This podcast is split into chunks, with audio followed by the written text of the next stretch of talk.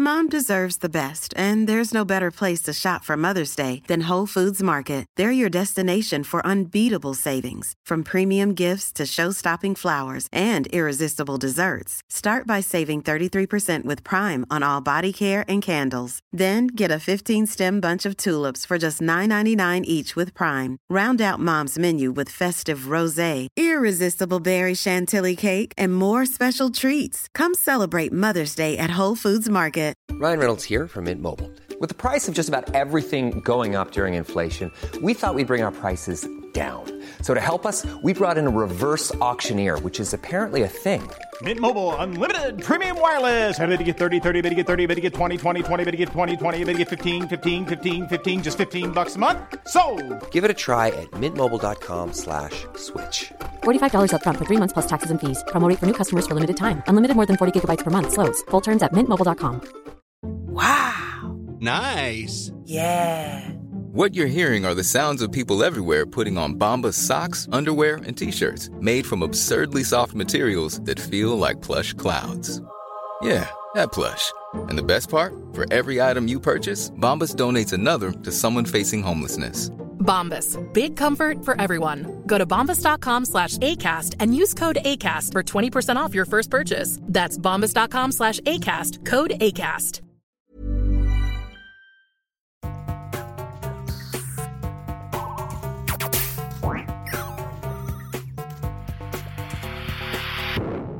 Velkommen til Sinnsyn. Jeg heter Sondre Risom Livre, er psykolog, og dette er Webpsykologens podkast. Hverdagspsykologi for fagfolk og folk flest.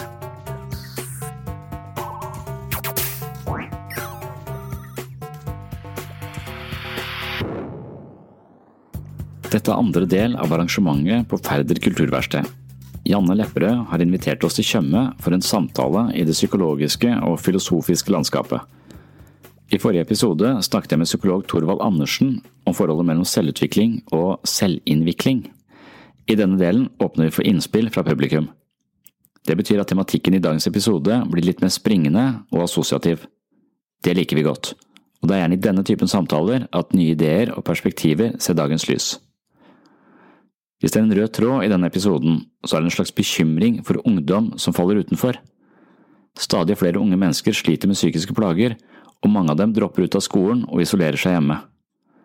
Spørsmålet er hvordan vi skal forstå dette og hva vi kan gjøre. Flere av deltakerne denne kvelden jobbet med ungdom, og de hadde gode innspill. Jeg tror ikke vi klarte å løse problemet eller kaste mer lys over denne skremmende tendensen enn det fagfolk på området allerede har gjort, men det er uansett et viktig tema. Er det slik at stadig flere unge mennesker mister motivasjonen? Hva er det disse menneskene trenger?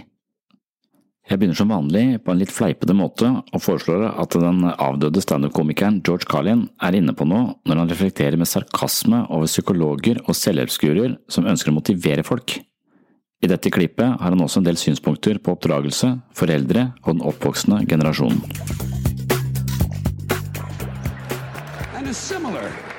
And a similar, a similar mystery to me. Motivation books, motivation seminars. Why would anyone need to be motivated by someone else? I say if you lack motivation, a seminar isn't going to help you. What you really need is to be smashed in the head 30 or 40 times with a golf club. That'll fucking motivate you. Or else at least get you up and moving around the room.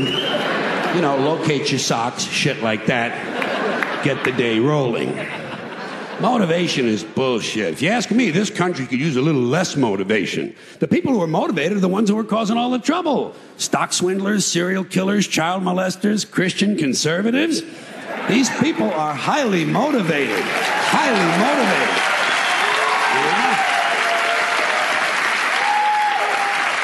And anyway, I think motivation is overrated. You show me some lazy prick who's lying around all day watching game shows and stroking his penis, and I'll show you someone's not causing any fucking trouble, okay?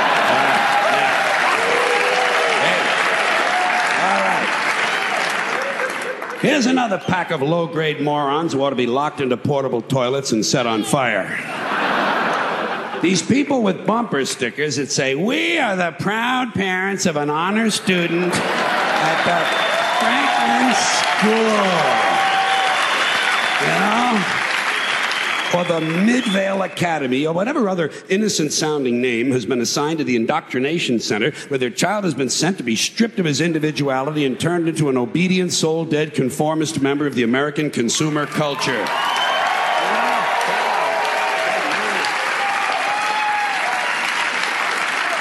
Proud parents. What kind of empty people need to validate themselves through the achievements of their children? How'd you like that to live with a couple of these misfits? How's that science project coming along, Justin? Fuck you, Dad. you simple minded prick.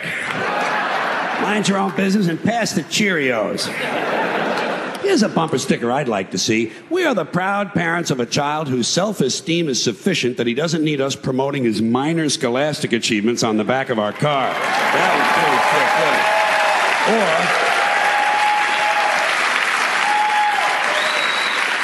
sick, Or, or we are the proud parents of a child who has resisted his teacher's attempts to break his spirit and bend him to the will of his corporate masters. Just be nice a little for change, you know? Here's something realistic. We have a daughter in public school who hasn't been knocked up yet. We have a son in public school who hasn't shot any of his classmates yet. But he does sell drugs to your honor student.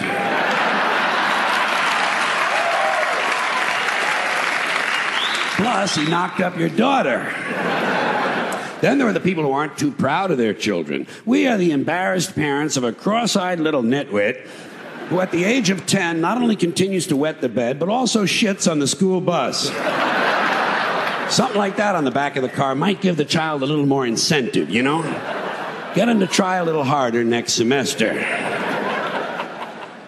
Here are some more parents who ought to be beaten with heavy clubs and left bleeding in the moonlight. These are the ones who carry their babies around in these backpacks or front packs or slings or whatever these devices are called that are apparently designed to leave the parents' hands free to sort through high end merchandise and reach for their platinum credit cards. Because it's always these upscale, yuppie looking Greenpeace, environmentally conscious assholes who have mine, you know? I say, hey, Mr. and Mrs. Natural Fibers. I say, hey, Mr. and Mrs. Natural Fibers. It's not camping equipment, it's a baby. Touch the little prick now and then. He'll thank you for it someday. These are the same people who sort their garbage, jog with their dogs, and listen to Steely Dan. You just like to take them out deep into the forest and disembowel them with a wooden cooking spoon.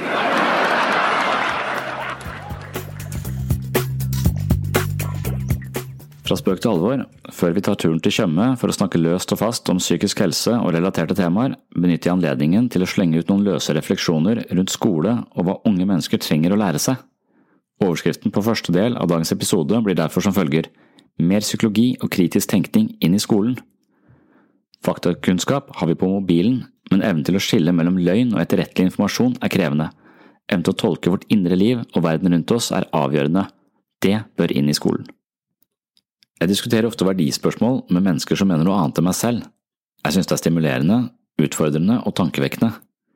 Det er en slik samtale som også er utgangspunktet for disse innledende refleksjonene, som på sett og vis skal handle om menneskers mentale begrensninger. Vi er sårbare for trangsyn, manipulasjon, illusjoner og vrangforestillinger, men det er mulig å oppdage en del tankemessige feilslutninger med riktig verktøy. Jeg hevder at skolen må ha sitt hovedfokus på slike verktøy i utdannelsen av de kommende generasjoner. Evnen til kritisk tenkning skiller sjarlataner fra oppriktige fagfolk, og ser forskjellen på pseudovitenskap og etterrettelig kunnskap er helt avgjørende i en verden som står på randen av kaos på grunn av en underliggende relativisme som gir de slueste av oss muligheten å lyve om nesten alt. Selv om jeg til tider fremstår som svært kritisk til religion, er det ikke min mening å påstå at religiøse mennesker er mentalt sløvere enn ateister og agnostikere, men at mennesker generelt sett er ganske sløve. Våre vurderinger er korrumpert av det som kalles bias, uansett hvor objektive og rasjonelle vi ønsker å være. Som mennesker går vi i tankefeller som gjør at våre valg og vurderinger avviker fra det som stemmer overens med virkeligheten. Eksempelvis kan vi være under innflytelse av det som kalles bekreftelsestendens, det vil si at vi søker informasjon som stemmer overens med det vi allerede mener å vite, mens vi ignorerer informasjon som strider imot det vi vet fra før. Optimismebias er det samme som ønsketenkning. Noen ganger resonnerer vi i tråd med våre følelser og finner konklusjoner som ikke nødvendigvis er sanne, men følelsesmessig tilfredsstillende. Status quo-bias refererer til motstand mot forandring. Det er de konservative kreftene i mennesket som sørger for at vi foretar valg som sikrer at ting forblir de samme, eller forandrer seg så lite som mulig. Det er også kjent at hukommelsen vår ikke er en veldig pålitelig kilde. Majoriteten av oss husker bruddstykker av ting som har skjedd, og alt som ligger mellom disse bruddstykkene, konstruerer vi på strak arm når vi skal gjenfortelle en historie. Her har vi det narrative selve som sørger for å lage sannsynlige sammenhenger uavhengig av hva som egentlig skjedde. Det finnes mange tankefeller av denne typen, og de fleste av oss faller ned i dem oftere enn vi tror. Spørsmålet er om det finnes en vaksine som beskytter oss mot de alvorligste feilslutningene. Vaksinasjon innebærer vanligvis at vi utsettes for svake eller døde smittestoffer, slik at kroppen bygger opp et forsvar mot sykdommen. I dette tilfellet er det snakk om å beskytte seg mot eh, virus på tanken. Richard Dawkins eh, har foreslått at eh, mennesker kan bli smittet av såkalte memer. Det er informasjonsenheter som blir spredt mellom mennesker i form av ideer og forestillinger. Noen memer er falske og forleder oss på ville veier. Her er det altså viktig å være på vakt, og vi må lære oss hvordan vi kan beskytte oss selv mot mentale blindspor.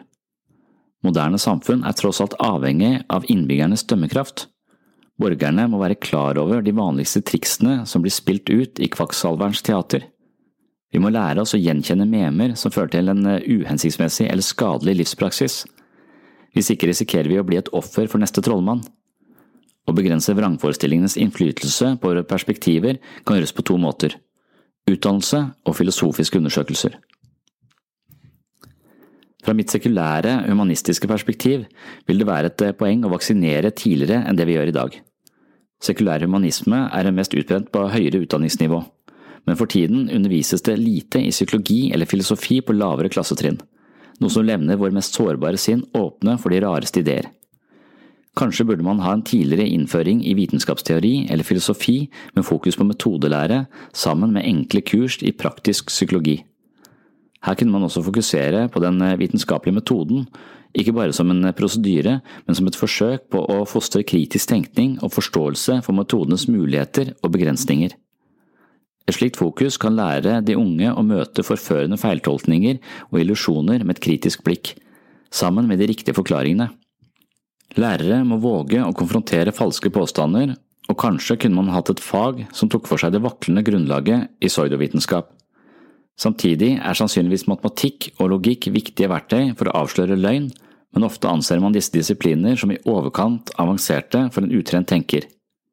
Misvisende fortolkninger av statistikk er eksempelvis noe media utsetter oss for på ukentlig basis men man trenger ikke nødvendigvis en doktorgrad i statistikk eller sannsynlighetsberegning for å kikke inn i kulissene til de fremste bløffmakerne. Skeptisk analyse kan fungere som en slags holdning til ny informasjon, selv om man ikke har alle studiepoengene som kreves innenfor alle områder. Et innføringskurs kan man eh, ha en slags overordnet fokus på kritisk undersøkelse og supplere undervisningen med enkle forsøk for å berike temaene med personlig erfaring. En enkel sammenligningsstudie av tilfeldig utvalgte horoskop eller et eksperiment hvor elevene leser hverandre i tarotkort kan gjøre nytten. Noe så enkelt som en for- eller imot-undersøkelse kan anspore til kritisk refleksjon. Illusjoner, vrangforestillinger og bombastisk tankegods trives best uten motstridende innspill. Ved å trene elevene til å se en sak fra flere sider, kan man bidra til en slags eh, mental oppdragelse som styrker evnen til å undersøke ting på egen hånd. Det er uheldig at bare de privilegerte og skoleflinke får kunnskap nok til å forholde seg kritisk til autoriteter slik at de instinktivt kan avsløre tankefeller og illusjoner. I vår iver etter å fylle hodet med fakta kan det hende at vi undervurderer stimulering av kritisk tenkning og nysgjerrig undersøkelse. Da jeg gikk på skolen og lærte matematikk, sa læreren at jeg måtte forstå dette fordi jeg ikke alltid kom til å gå rundt med en kalkulator i lomma. Der tok mattelæreren feil. Jeg har alltid en kalkulator i lomma, og jeg går dessuten rundt med verdens største leksikon innebygd i min smarttelefon. Problemet er ikke tilgang på informasjon, men min evne til å sortere god og dårlig informasjon fra hverandre. Jeg trenger opplæring som kaospilot. Det er ikke engang en selvfølge at en bachelorgrad gjør oss immune mot ganske vanlige feiltolkninger innenfor en del områder. Dersom folk flest hadde rimelig god trening i å stille behendige spørsmål og evaluere svarene, kan det hende at hele samfunnet hadde fått et viktig løft. Uten slik trening er man henvist til å tro på det autoritetene påstår, og det vil alltid være noen som misbruker sin autoritet. Homopati, åndelig helbredelse, terapeutisk berøring, magnetisk healing, krystallkuler og engler. Listen er lang over alternative intervensjoner som påstår at det har en velgjørende effekt i den konkrete virkeligheten av materie, kjøtt, blod og liv. Men når de blir bedt om å etterprøve sine resultater i tråd med krav for etterrettelig praksis, strekker det ikke til.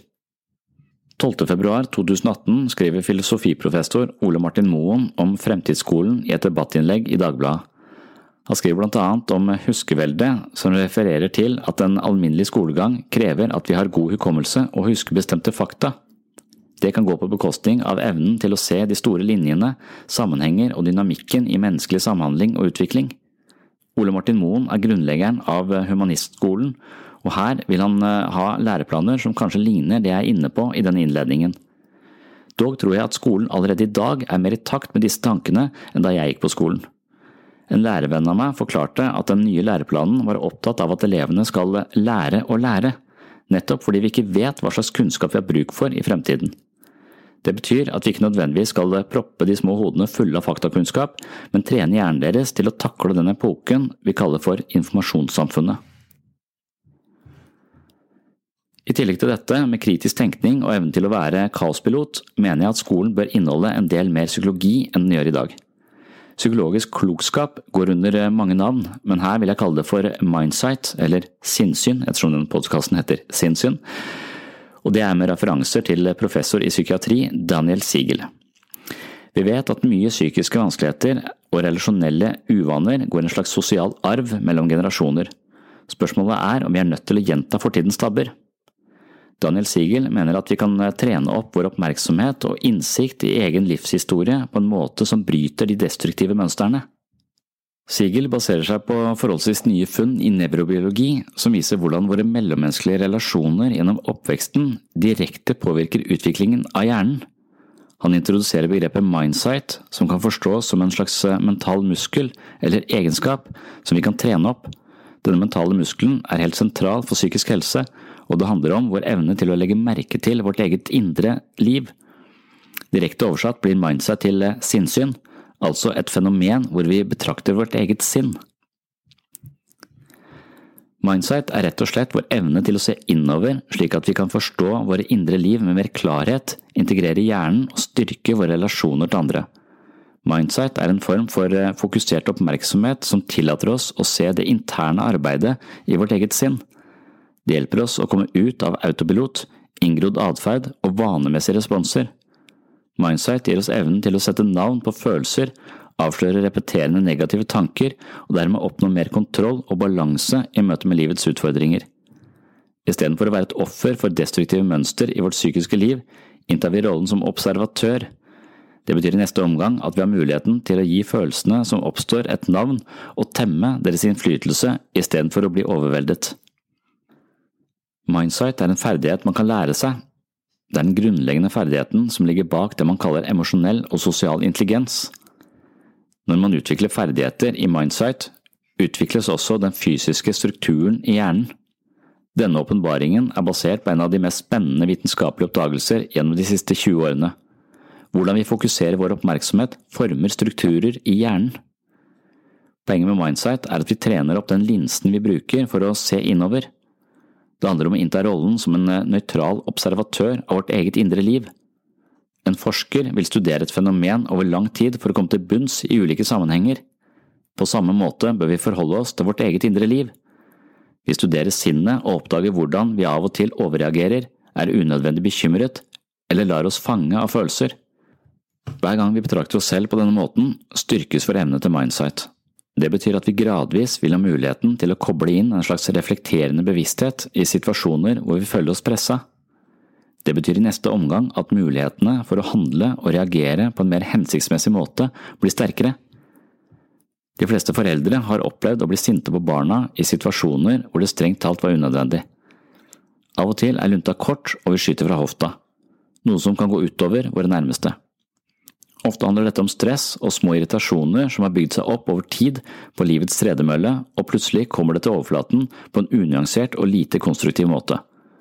Mindsight er en mental styrke som demper forekomsten av hverdagslige utageringer og stress.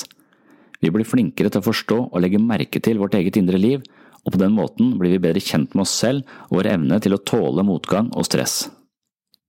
Min påstand er at evnen til å kikke innover, studere sitt indre liv, som i bunn og grunn er selve essensen i psykologifaget, er et element man med fordel kunne innføre på et tidligere tidspunkt i skolesystemet. Psykologi er studiet av mentale prosesser, og fordelen med å kjenne til egne mentale prosesser er enorm. Man kan hevde at dette er noe foreldre bør ta ansvar for, og det er jeg enig i, men dessverre er ikke alle foreldre like flinke til å stimulere barns utvikling av mindsight. Foreldre med god evne til mindsight vil klare å speile barnet på en måte som gir barnet en god forståelse og oppmerksomhet på eget indre liv. Det vil videre styrke barns evne til å regulere egne følelser, reflektere over vanskelige situasjoner og beholde ro og balanse i møte med motstand. Med andre ord er utviklingen av mindsight forebyggende for omtrent alle mulige lidelser og problemer man kan støte på gjennom livet. Foreldre med lite eller begrenset evne til mindsight vil i mindre grad klare å videreføre denne egenskapen til egne barn. Når vi i tillegg vet at denne evnen er noe man kan trene opp og lære seg, en kombinasjon av teori og praksis, tror jeg at dette vil være noe av det mest verdifulle bidraget vi kan gi til barns allmennutdanning. De som følger Webpsykologen og sinnssyn, vet at jeg har et prosjekt som handler om å utforske de virkelig store spørsmålene i livet.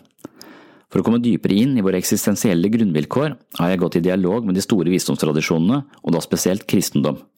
Jeg ser på meg selv som en eh, myk ateist, eventuelt en agnostiker, men jeg er likevel svært interessert i religiøse perspektiver på livet, særlig i lyset av psykologi. Mitt møte med religion har blitt til boken som heter Psykologens journal, og den kom ut på Cappelen Dam i høst. Boken kan selvfølgelig anskaffes via webpsykologen.no til best pris med gratis frakt og rask levering så da fikk jeg lurt inn den der. Gjennom mitt eh, religionsprosjekt har jeg vært eh, i mange debatter med kristne mennesker. Blant de temaene vi snakker om i bibelgruppa og på alfakurs i Frikirken, handler det om hva vi bør lære barna våre. Hvordan vil våre perspektiver påvirke barna våre? Er det greit å påvirke barn i helt bestemte retninger? Når det gjelder religion, mener jeg at skolevesenet bør forholde seg nøytralt. Jeg beskriver meg selv som en sekulær humanist, et ståsted jeg også føler er det beste utgangspunktet for et skolesystem. Dette synspunktet korresponderer dessuten ganske godt med systemet her i Norge i dag. Sekulær humanisme ser på mennesket som fritt, bevisst og ansvarlig. I en sekulær stat kan alle få lov til å tro på hva de vil, men de kan ikke praktisere sin tro dersom den går ut over andres ve og vel. Lover og regler skal ikke basere seg på en bestemt religion, ettersom det nødvendigvis vil underkjenne alle som ikke tilhører denne religionen. Sekulær humanisme eh, forsøker å forklare de fleste spørsmål i livet med utgangspunkt i fellesmenneskelig erfaring, fornuft og empati.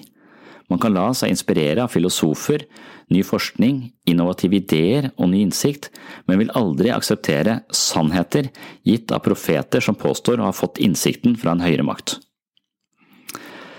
Der stopper jeg strøtanker om mine helt eh, personlige synspunkter på hvordan de yngste skal eh, primes gjennom skolegangen, og vi setter kursen mot Tjøme. Den neste delen av denne episoden vil ikke bare handle om barn og unge, men eh, springe litt fram og tilbake i tematikk. Noe jeg selv synes er både stimulerende og litt forvirrende. Jeg håper du også finner det stimulerende og bærer over med forvirringen. Vi har nå akkurat spist og drukket og setter oss ned for siste del av arrangementet på Tjøme. Det er et eh, fantastisk sted ut mot havet. En liten arkitekttegnet hytte med drivhus fullt av overmodne druer som gir en søtlig lukt. Mørket har senket seg, og det er god stemning. Velkommen til Færder kulturverksted 20. oktober 2018.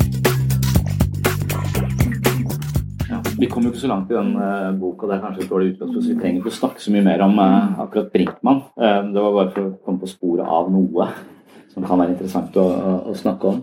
Så da tenker jeg vi bare åpner for altså, innspill og sånn. Eh, det, fikk noen ideer i pausen. Altså, for Noen ganger så snakker jeg veldig sånn som om hjernen er en datamaskin. Men, men dypest sett så er nok ikke det mitt perspektiv på noen som helst måte. Altså, det er bare en, en måte jeg tenker på. Men det neste punktet til, eh, til, til Brinkmann i den boka var eh, eh, ja, tenk litt mer negativt. Eh, det høres jo i hvert fall ikke ut som kognitivt råd. Da. Tenk, tenk, og tenk på din forgjengelighet. Altså tenk mer på døden. Eh, for det hjelper deg å sette deg liksom å sette ting i, ting i perspektiv. Men det er noe, også det som Jeg hadde også noen samtaler med Jordan Peterson her i Vet ikke om dere Mange har kanskje kjent med han. og litt det at uh, han, han, er veldig sånn jungiansk inspirert. Da. Jung var den eleven til Freud uh, som røyk uklar med Freud, som alle, alle elevene hans gjorde. Som var et litt vanskelig type. Men Freud, Freud var jo på en måte psykoanalysens far og denne, på denne pidestallen. Han hadde jo veldig masse, han hadde jo 13 disipler.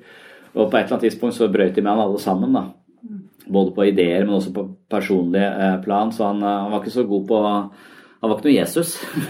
Eh, men, men, og Jung er kanskje en av de mest spennende, men også de som assosieres mest med New Age.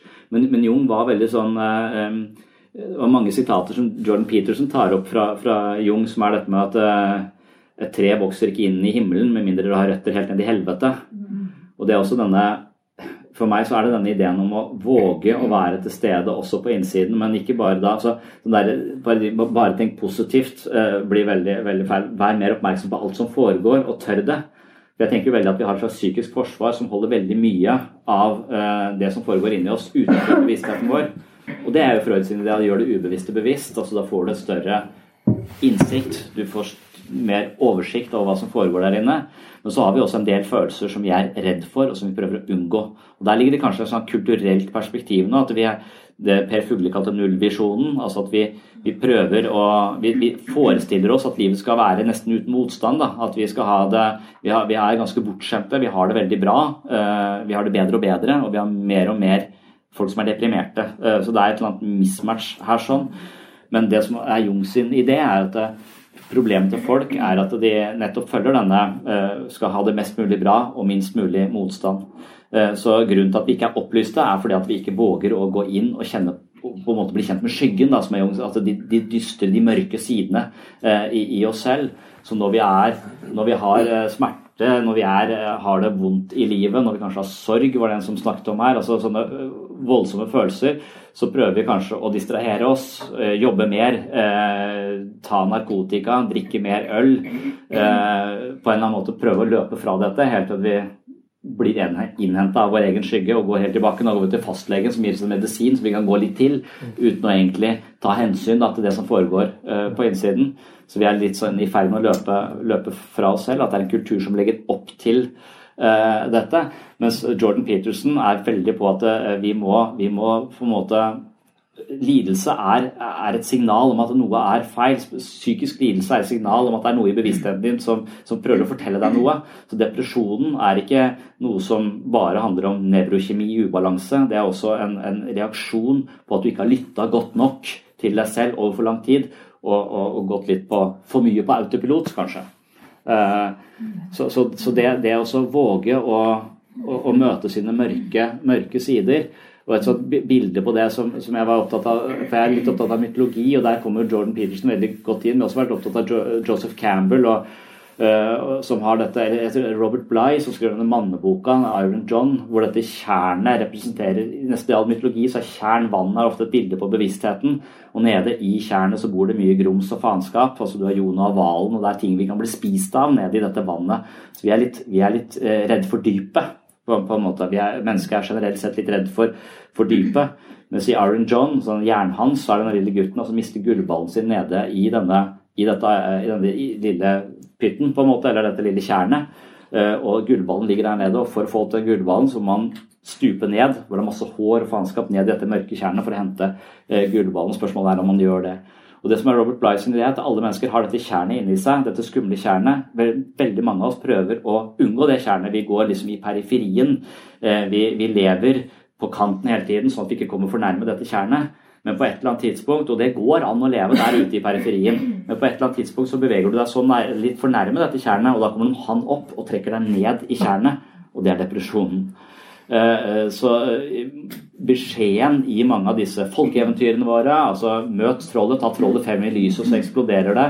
Altså beskjeden i Iron John, som også er et folkeeventyr, eller hjernen hans, til, til Robert Bligh, er altså du må med viten og vilje gå inn i disse mørke sidene, dykke ned i dette tjernet, bli kjent med deg selv, bli en hel person. For hvis du svømmer gjennom dette og våger det, og kommer opp på andre siden, så, så vil, du, vil, du, ikke lenger leve på flukt da, fra, fra deg selv. Og ideen til Jung er jo at vi er en generasjon som lever flukt, på flukt fra oss selv, og vi er ikke opplyste pga. denne unnvikelsen, er, er Jung sin idé. Og det, der kommer Jordan Peterson inn og forteller oss det på en ganske sånn tordenaktig måte, og vi lytter til han. han er, det er ingen psykologer som har så stor gjennomslagskraft på mange, mange år som Jordan Peterson har hatt de siste to-tre årene. Selv om han kom opp på en litt merkelig måte. Mm. Ja. Jeg bare tenker at uh, det er veldig mye her å, å, ta med seg tilbake og reflektere videre over. Og så kunne jeg egentlig tenke meg å høre fra begge dere hvordan dere oppfatter det med samtidighet. For, for slik vi ofte beskriver tingene, så er vi tilbøyelige til liksom å se det litt isolert, eller beskrive det litt isolert, men det foregår jo altså Det er jo ofte sånn at allting er mye på en gang. Det er aldri bare én isolert følelse eller én isolert begivenhet. Det er egentlig en, en sånn puls. Om der jeg kunne reflektere litt over øh, det med den samtidigheten av ting. Jeg er ikke sikker på om jeg skjønte Nei, altså, at, at, Man kan også si vi, vi, vi har et begrep som heter ambivalens, men det forutsetter jo to motsetninger. Men, men kanskje det er flere enn bare to? Ja. Kanskje det faktisk er veldig mange som eksisterer samtidig ja. inni oss? Ja, jeg vet ikke om jeg heller forstår det du, du mener, men hvis jeg, hvis jeg skal prøve, så, så, vil det være at det, det, du sier der, er på en måte overskriften på, på, på min filosofi som behandler, tror jeg, eller som, eh, som eh, og som menneske. Eh, for mye av min idé er at Og på det stedet jeg jobber, så jobber jeg i gruppeterapi. Men jeg er også opptatt av at, at mennesket har en hjerne med en nevrokjemi som kan balanseres med narkotika. Altså, vi har en, det er en hjerne, men det er også en opplevelse av å være den hjernen. Mm. Det, er to, det, er to, ting. Så hvis du er deprimert, så kan det være fordi du har ubalanse i nevrokjemi. Men det kan også være fordi at måten du tenker, tenker, på, og måten du tenker om deg selv på, gir deg nedslående følelser hele tiden. Sånn at så det er også en, det er en fysikk, og det er en metafysikk. Mm. Eh, men så er det også en relasjon her der du er sammen med et annet menneske, og jo mer du isolerer deg, jo mer deprimert blir du ofte, jo mindre får du avstemt de ideene du har om deg selv. Så evnen til å ha gode relasjoner og være, Så vi er på en måte Mennesket er, er objektive. Vi har en kropp og en hjerne. Vi er også subjektive. Det er en opplevelse å ha den hjernen. Men vi er også intersubjektive. Det er meg og den andre.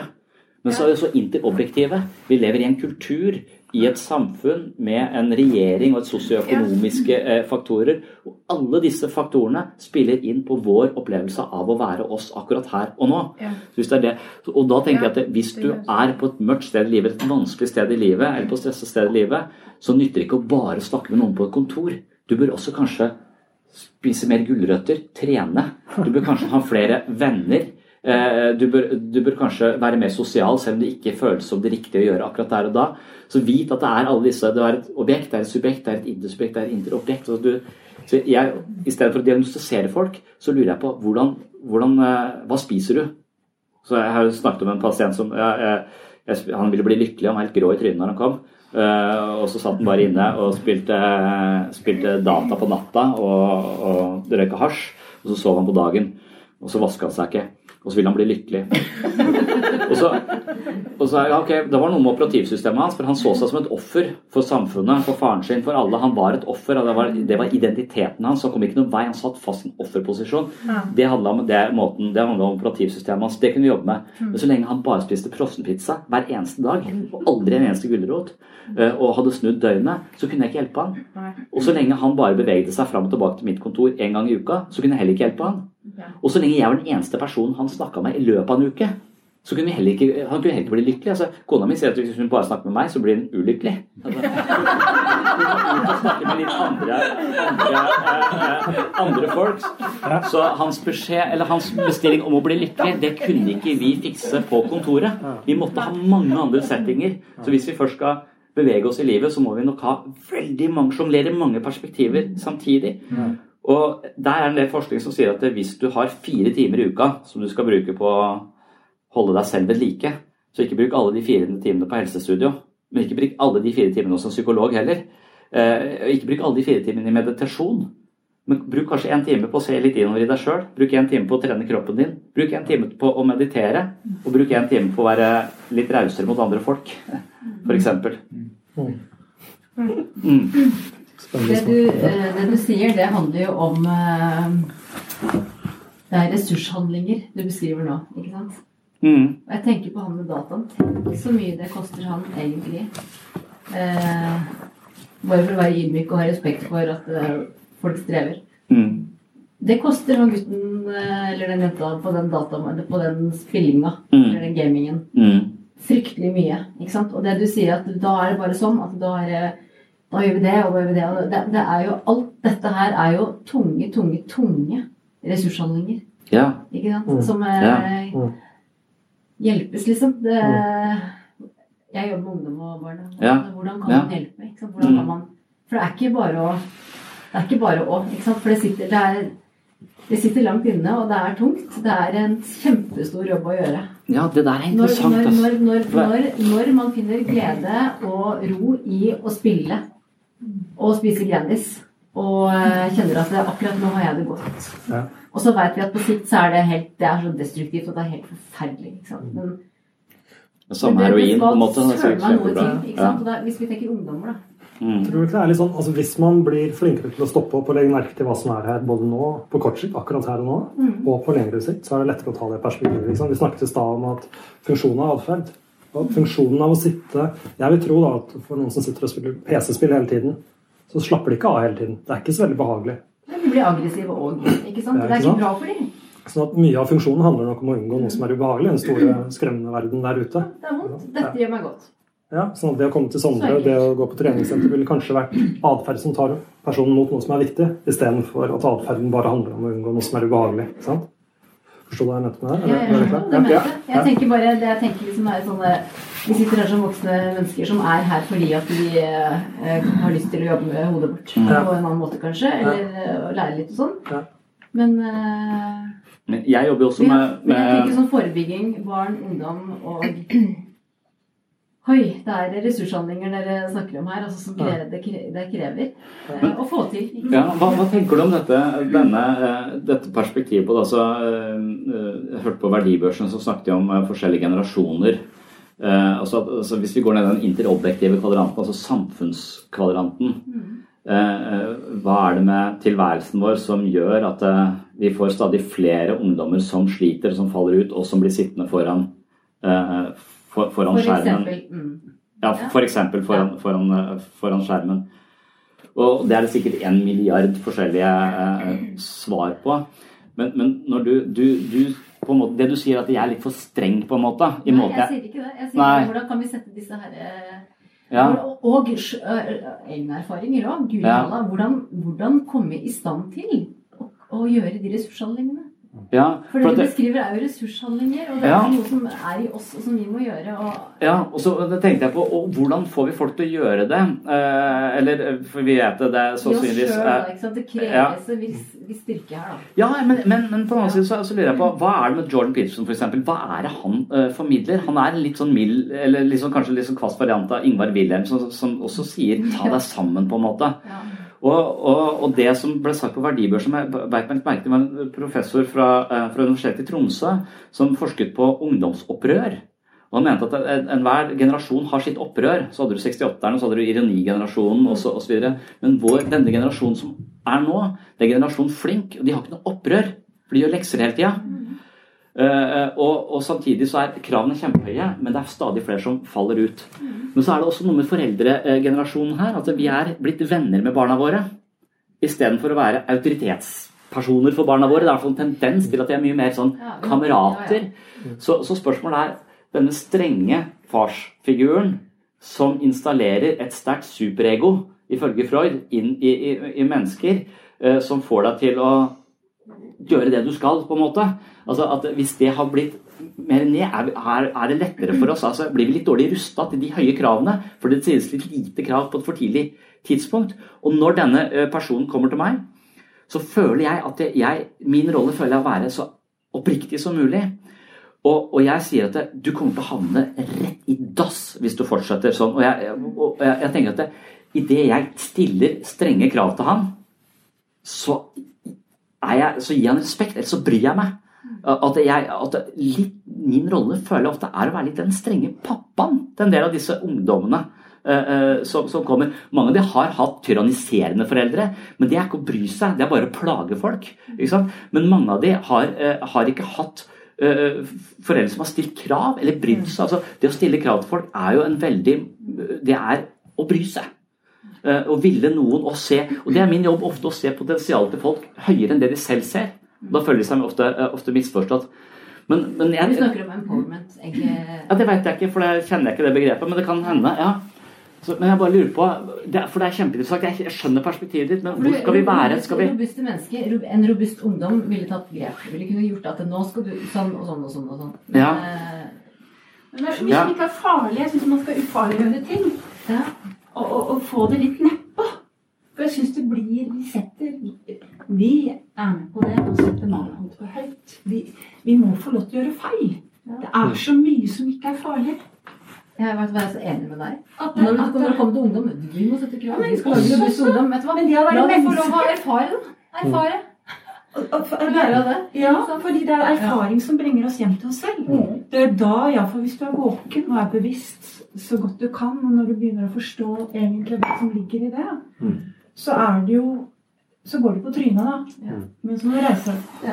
Det, Du får eh. Jeg tenker et innspill på det du sier. Da, som, jeg tenker at Det er jo også en felle å gå i? Å, å bli den moraliserende behandleren. Men jeg tenker at når du jobber med pasientene dine, så vil jeg tro at du tar et skritt tilbake og ser på funksjonen av det du gjør. Altså, Når du møter en gutt som har sittet inne i flere år, så blir du fylt av en følelse av hjelpeløshet. Du møter et familienettverk som er frustrerte, lei seg, sinte. Kanskje dysfunksjonelt i tillegg. Ja, og så har de kanskje prøvd tre andre behandlere før deg. Så du har en følelse av håpløshet. Du har bare lyst til å si sånn som, som, som du sa, da, ta deg sammen. ikke sant? Og det er klart, Hvis du gjør det første gangen, så, så blir det jo bare en ny læringserfaring som ikke funker. Men jeg tipper jo, når du får til ting med pasientene dine, som jeg er ganske sikker på at du får til, så sier du at funksjonen her handlet om å være, vise at jeg bryr meg. Da har du allerede fått til en allianse før det. Sannsynligvis er det ikke det du gjør i første møte med noen Nei, pasienten. jeg hadde 20 timer og prøvde å endre operativsystem, men han Ja. ble ikke lykkelig. Selv om operativsystemet hans endra seg litt, fordi han Ja. bare spiste frossenpizza. Så han må endre. Men, men, men Jeg punkterte alt, jeg nå. Nei, nei jeg, jeg, jeg tenker at det, Men jeg tenker at i det jeg da I det jeg da sier at det, Hør nå her. Så lenge du bare spiser frossenpizza, så kan vi sitte her i en milliard timer i psykoterapi uten å komme noen vei. Så hvis ikke du endrer det, så kan jeg ikke hjelpe deg. Jeg vil hjelpe deg, men jeg kan ikke. Kanskje Eh. han ikke kan hjelpes, da. Er det det du sier? Ja. Eller så må han ha det så jævlig at han husker hva han sa for noe. Hvis jeg bare hvis jeg spiser en gulrot i uka, så kunne han hjelpe meg. Ka- Kanskje det blir så jævlig at jeg gjør det, da. Det må være den erfaringen. Ja, så, så, så jeg ja, og så jeg vil ikke være Jeg vil ikke si at jeg har mest hjelpe deg uansett hva, for da føler jeg ofte at vi gjør folk mindre og uansvarlige, på en måte. Men kanskje han er erobrer. Kanskje han må få tak i den kraften selv. Ja. Gjennom erfaringen. Og, og Ja. da begynner, gjennom det så, så klarer han å mestre livet. Ja. Fordi han er akkurat der. Han er så i sin lille tunnel at det er ingenting. Så må han kanskje så langt ned. Ja. Og så må han klare å, selvfølgelig med støtte og veiledning rundt seg, og klatre opp igjen. Og, Men- men så- og, og få, få, få den selvfølelsen gjennom, gjennom erfaring. Ja, og, og så vi kan, men men så kan vi også si kan være at dette, dette mennesket bor i en verden som uh, har lagt til rette uh, for at han kan leve hele livet sitt i World of Warcraft. Og det er mer interessant enn å gå på skole. Altså, og, og, og, så Det er jo igjen Harari eh, sitt poeng, og det, det tenkte jeg også mye på når jeg jobba i ABUP, altså i barne- og ungdomspsykiatri. At her sitter det folk som har slutta å tro på Gud. Og de har tatt hele dette prosjektet, som er det egentlig religiøse prosjektet, om å få poeng for å komme til et nytt brett i neste liv. Det, Harari mener at det, eh, de, de kristne har en eh, eh, de har en del, de skal, de skal være rause mot andre. de skal, eh, Hvis du er god mot andre og ber så og så mye, så får du poeng. Hvis du er homofil, så får du minuspoeng. Eh, hvis du er utro, så får du minuspoeng. Det er, det er et poengsystem der som til slutt ender i neste brett eller ikke. Så du bygger karakter gjennom livet for å nå et nytt, eh, nytt mål. Mens dette karakterbyggende prosjektet i en sekulær verden på en måte Skandinavia som mest sekulære område i, eh, på jorda, har sluttet å spille dette spillet in real life og tatt det over på nett isteden. Så vi bygger karakter på nett. Så vi får veldig gode karakterer på eh, nett, men vi har slutta å gjøre det så spørsmålet er om vi kanskje har ha, ha gitt mennesker muligheter til å leve så tilfredsstillende online at det ikke er så interessant offline. Litt det samme som narkomane har. da. Det hører jeg ofte fra narkomane.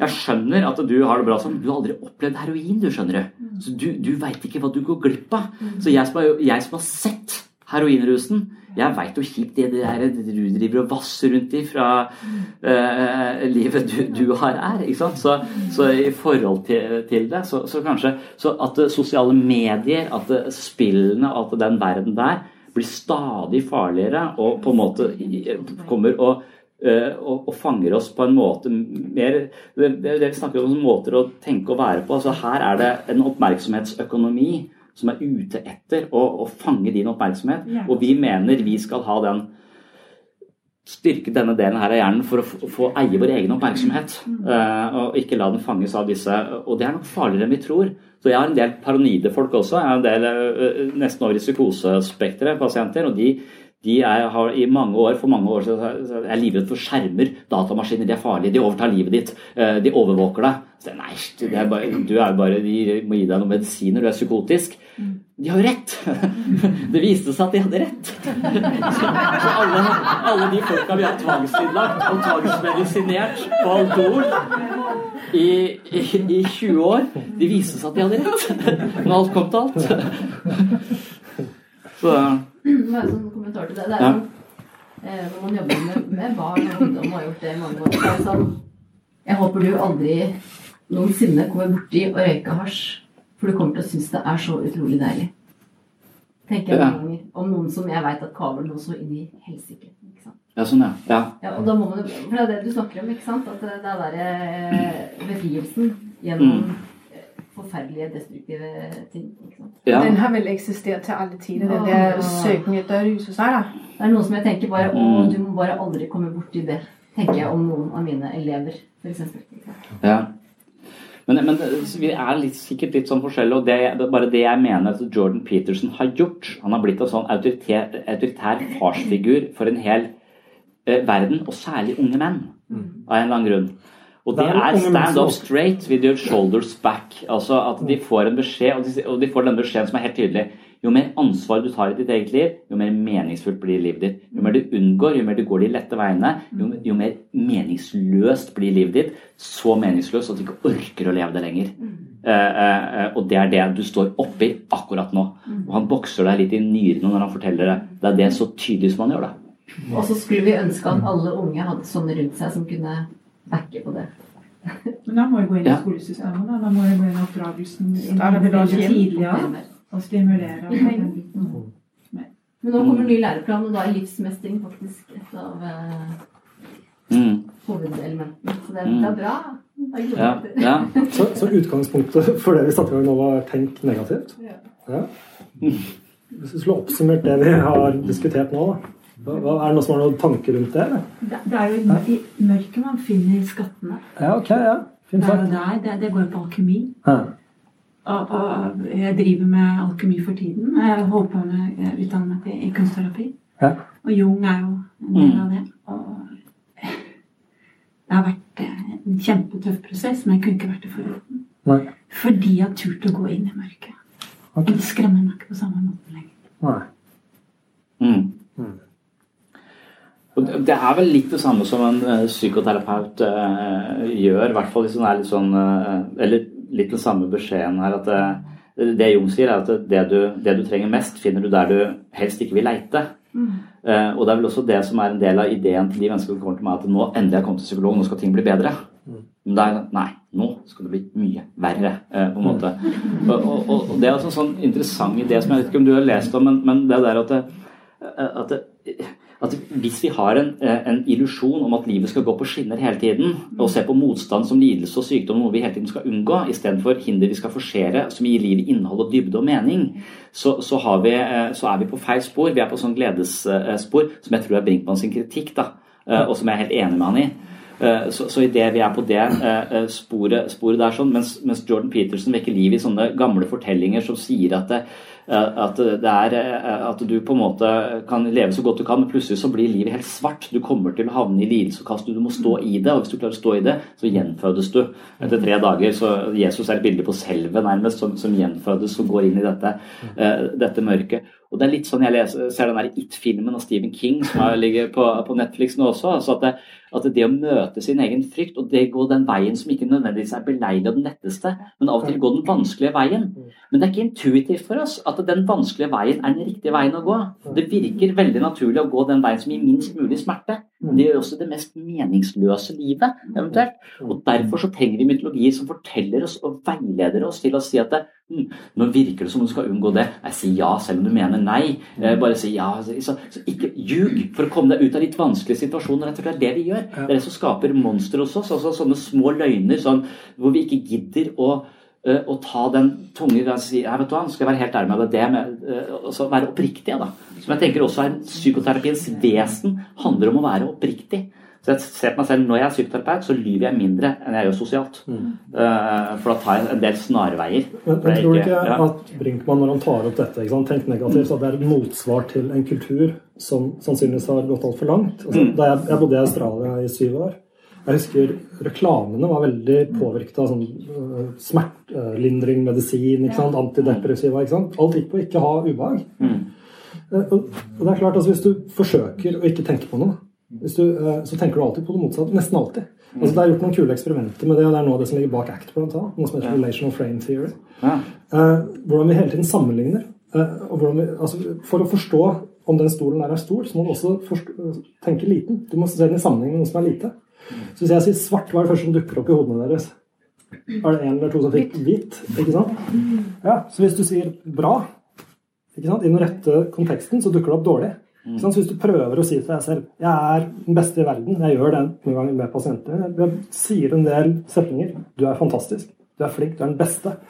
Det, så, det skal ikke så veldig mange av de setningene til før hjernen deres har begynt å si nei, jeg er jo ræva. Det er sånn det henger sammen. Derfor kan du ikke bare si til noen heller ta deg sammen, tenk positivt. Nei. Ikke sant? Du kan si du er ræva, for da tenker de Ja, kanskje da tenker de Ja, vel. Ja, men det interessante er at det også skjer. Det er kjempeinteressant. Jeg vil litt mer om det. Kan du utdype det litt? Ja, Det vil jeg også gjerne. Ja, altså, så jeg tenker at Du kommer aldri til å vinne den kampen med deg selv hvis du prøver å overbevise deg selv om at du er bra eller dårlig. Mm. Så hvis du kan jobbe igjen med å ta perspektivet, bare legge merke til at språket er der, vi brukte gullfiskbollen som metafor. Så kan du merke at der er en tanke. Men jeg er her, jeg kan forholde meg til den tanken. Og hvis den tanken om at jeg er verdens beste pappa, hjelper meg i dag å være verdens beste pappa, så kan jeg godt forholde meg til den. Så sannheten er på en måte bare sann hvis den hjelper deg. Så Det er en filosofi som, som heter funksjonell kontekstualisme, som går på det. Mm. Så det som er sant, er det som virker. Mm. Det syns jeg er en fin måte å forholde seg til livet på, istedenfor at vi skal være så opptatt av å liksom si jeg, ta deg sammen, gå ut og få deg en jobb. Mm. For da kan være helt sikker på at hjernen din kommer til å si noe imot. Du klarer ikke å endre innholdet i tankene til folk så veldig godt. Og Det har man faktisk sett ved depresjonsforskning også. Tidligere i kognitiv terapi så var det masse fokus på å endre det som heter automatiske negative tanker. Sånne tanker som dukker opp som sier at 'jeg er ikke bra nok', 'får det ikke til', osv. Og så har man sett at når folk kommer seg av depresjon, så har de egentlig samme frekvens av negative automatiske tanker. Men det som har endra seg, er hvordan de forholder seg til tanken. Mm. Så hvis du kan lære noen å kjenne en tanke som en tanke, og gjøre med føtter og hender og munn det som er viktig for deg, mm.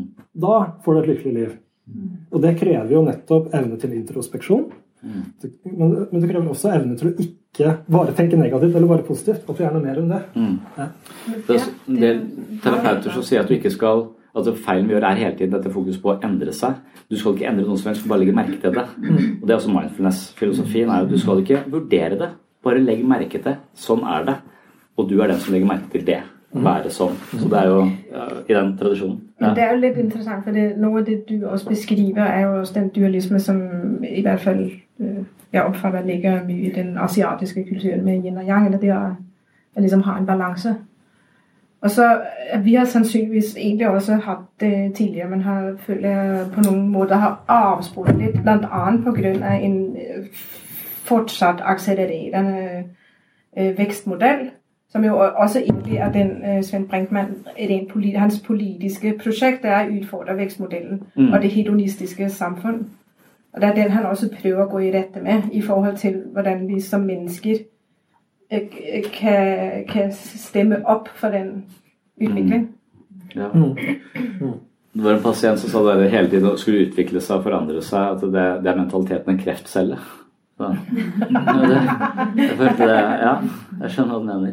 Men jeg tror han snakket om kapitalisme. Okay. Som en kreft. Mm. Er det noen andre som har noen tanker, eller? Innspill, eller?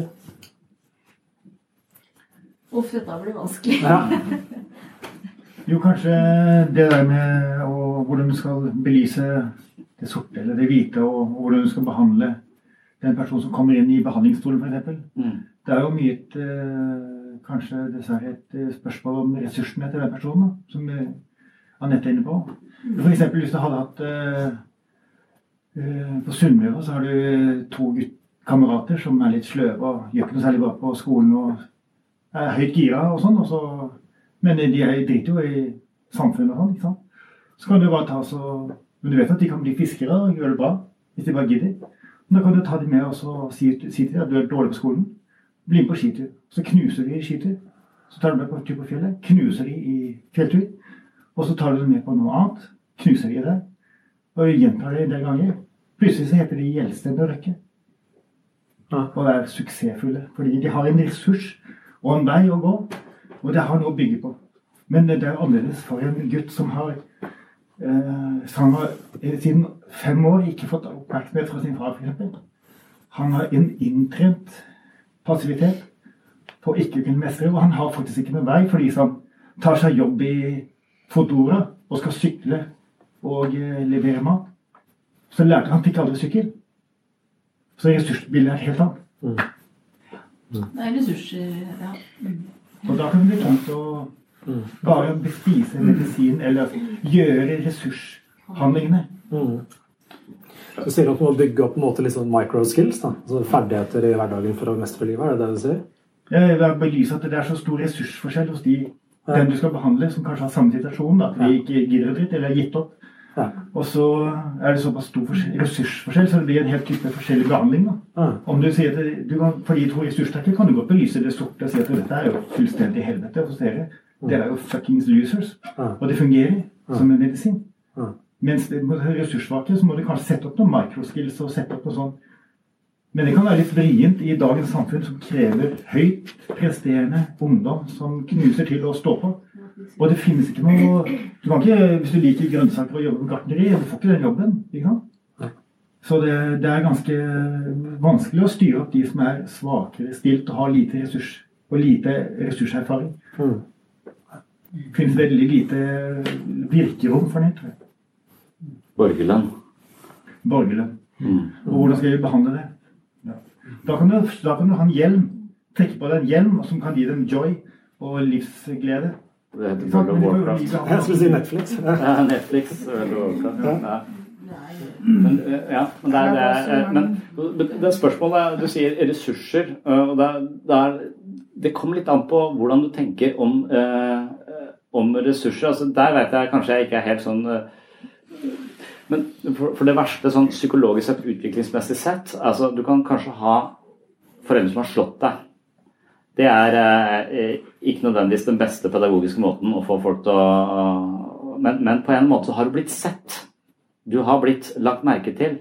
Så det, det man ser ut som det, det verste, det verste utviklingsskaden er det ubekrefta selve det ignorerte selve det som ingen brydde seg om. Mm. Altså, jeg husker en sånn historie om en jente som, eh, som fortalte at hun uh, sto inne på do på, på, skolen, og så kom det en annen venninne inn, og så gråt hun fordi hun hadde fått så dårlig, ikke fått gode nok karakterer, så pappaen kom til å bli så sint på henne.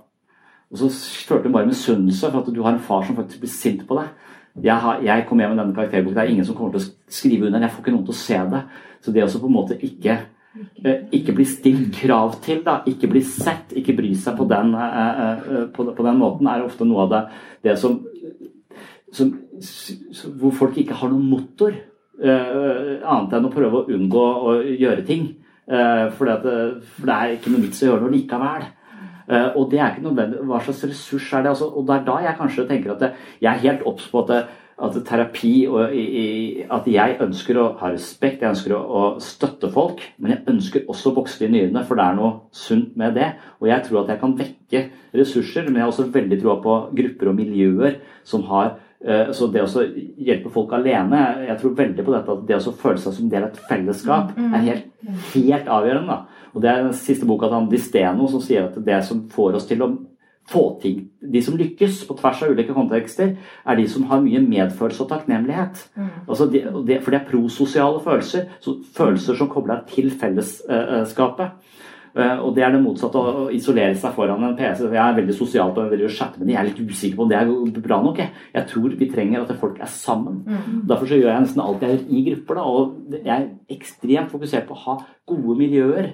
Eh, For jeg mener at Hvis jeg har et høyt jeg kaller det et mentaliseringsnivå da, i en gruppe, altså et romslig, nysgjerrig eh, miljø, så kan jeg ta folk som ikke er i nærheten av å være der, eh, og helt daue, inn i det. Og så vil de bare på en måte ved å være der vokse. Akkurat som at det, miljøet er som en slags magnet som kan dra folk opp til et høyere nivå.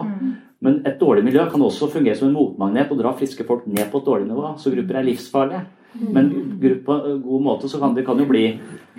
Hvor, Hvorfor melder du deg inn i Vigrid og blir nazist? Jo, for da var jeg for dårlig fotball. Jeg ville bare ha et sted å høre til, eh, på en måte. Eh, og det så, så ja, det er mange perspektiver på det. Ja. Ja, og så handler det om igjen Jeg skal ikke være gnagsår i dag, jeg lover. altså. Men det derre å være i stand til å komme seg inn i den gruppa. ikke sant? Ja. Når man kommer til barn, og vi er voksne mennesker, og det handler om ressurser, selvfølgelig, men det å ha folk rundt seg, og være voksne også sammen med barn og ungdom, som kanskje kan hjelpe de inn i den gruppa. Det er viktig at vi kan noe om det her. For det er ikke alle som kommer seg inn i den gruppa, Mm. som er positiv, og som har en god øh, oppoverspiral.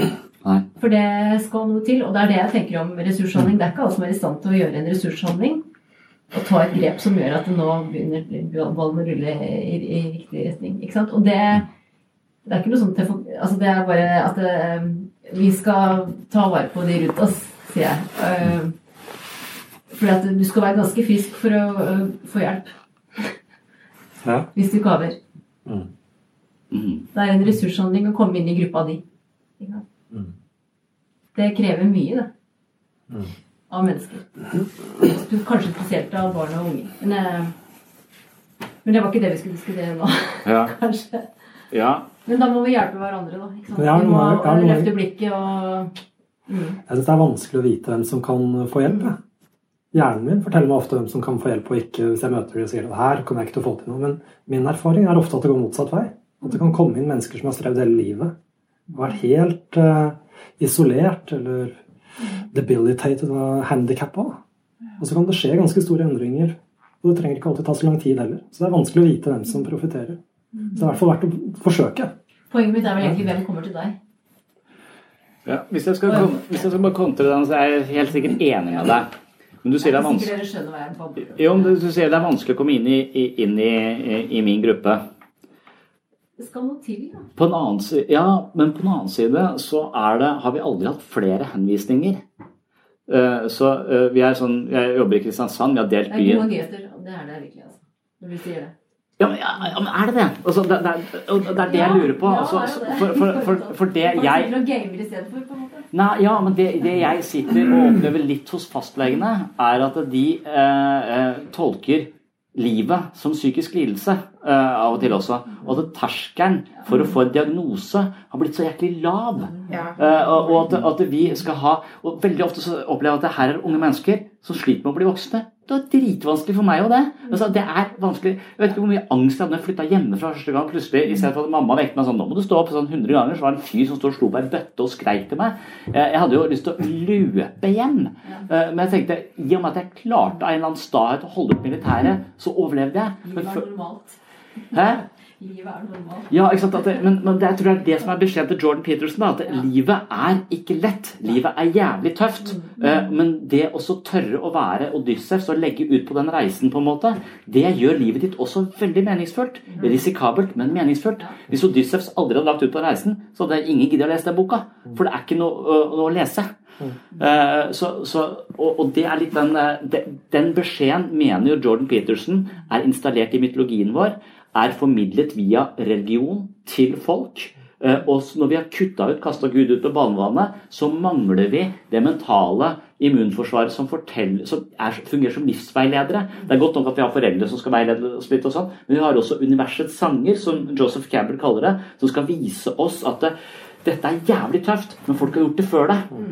Og sånn tenker jeg ofte når jeg møter folk som skal på Nav, så er det Odyssevs reise. Du har et sjuhoda monster og eh, eh, eh, og Skylla på hver sin side når du kommer inn på Nav eh, med lua i hånda og har en så eh, vanskelig. Det er det er Part of life. Ja, og det er jævlig tøft, men hvis du klarer det, så kan du vinne så mye, da. Det er liksom, så ofte så begynner jeg så Når jeg eh, tenker Dere kanskje oppfatter meg som litt sånn ja, trivialiserer folks problemer, men, men, på en måte så, så har jeg ofte den der it-filmen i hodet. at det, det du frykter mest, er det du er nødt til å møte. For hvis du møter det, så kan du ikke spise det opp. Det er det som er beskjeden i Stephen King sin, sin It. At, at, alt det du er mest redd for, det blir du vist. Så han der som er, har OCD og er redd for bakterier, han får et zombie etter seg. ikke sant? Så det er det han må fronte for å bli fri. Eh, og, og hvis, de, hvis, de, våger å forsere sin egen frykt, så vil denne klovnen forsvinne. I chapter, eh, chapter one. Og det å vite det, den beskjeden er ikke intuitiv. Altså det, det, hvem skal fortelle oss at det, at det, er i motstanden, at det er i å gå de vanskelige veiene, møte dette istedenfor For det er så naturlig for oss at hvis jeg ikke liker bakterier, så går jeg ikke på offentlige toaletter. Tror du det er sånn altså, at, at det som er smertefullt, altså det som er skummelt, ja. frykter, kommer fra samme sted som det, det som er viktig? At ved å faktisk gå inn og mm. kjenne litt på det, så får du også kontakt med noe av det som er viktig. Mm. Sånn som uh, Tidligere i uka så døde bestemoren min på tirsdag, og hun er veldig nær. Og jeg er ikke sånn veldig vant til å forholde meg Jeg har ikke mista så mange. Eh, og jeg, tenker i den smerten som er der, for det er det helt klart, så er det også noe som er viktig. At man stopper opp og faktisk får litt perspektiv på hva skal jeg bruke livet mitt på. Altså, jeg tenker, det er noe, Den sorgen der forteller meg også om noe som er viktig.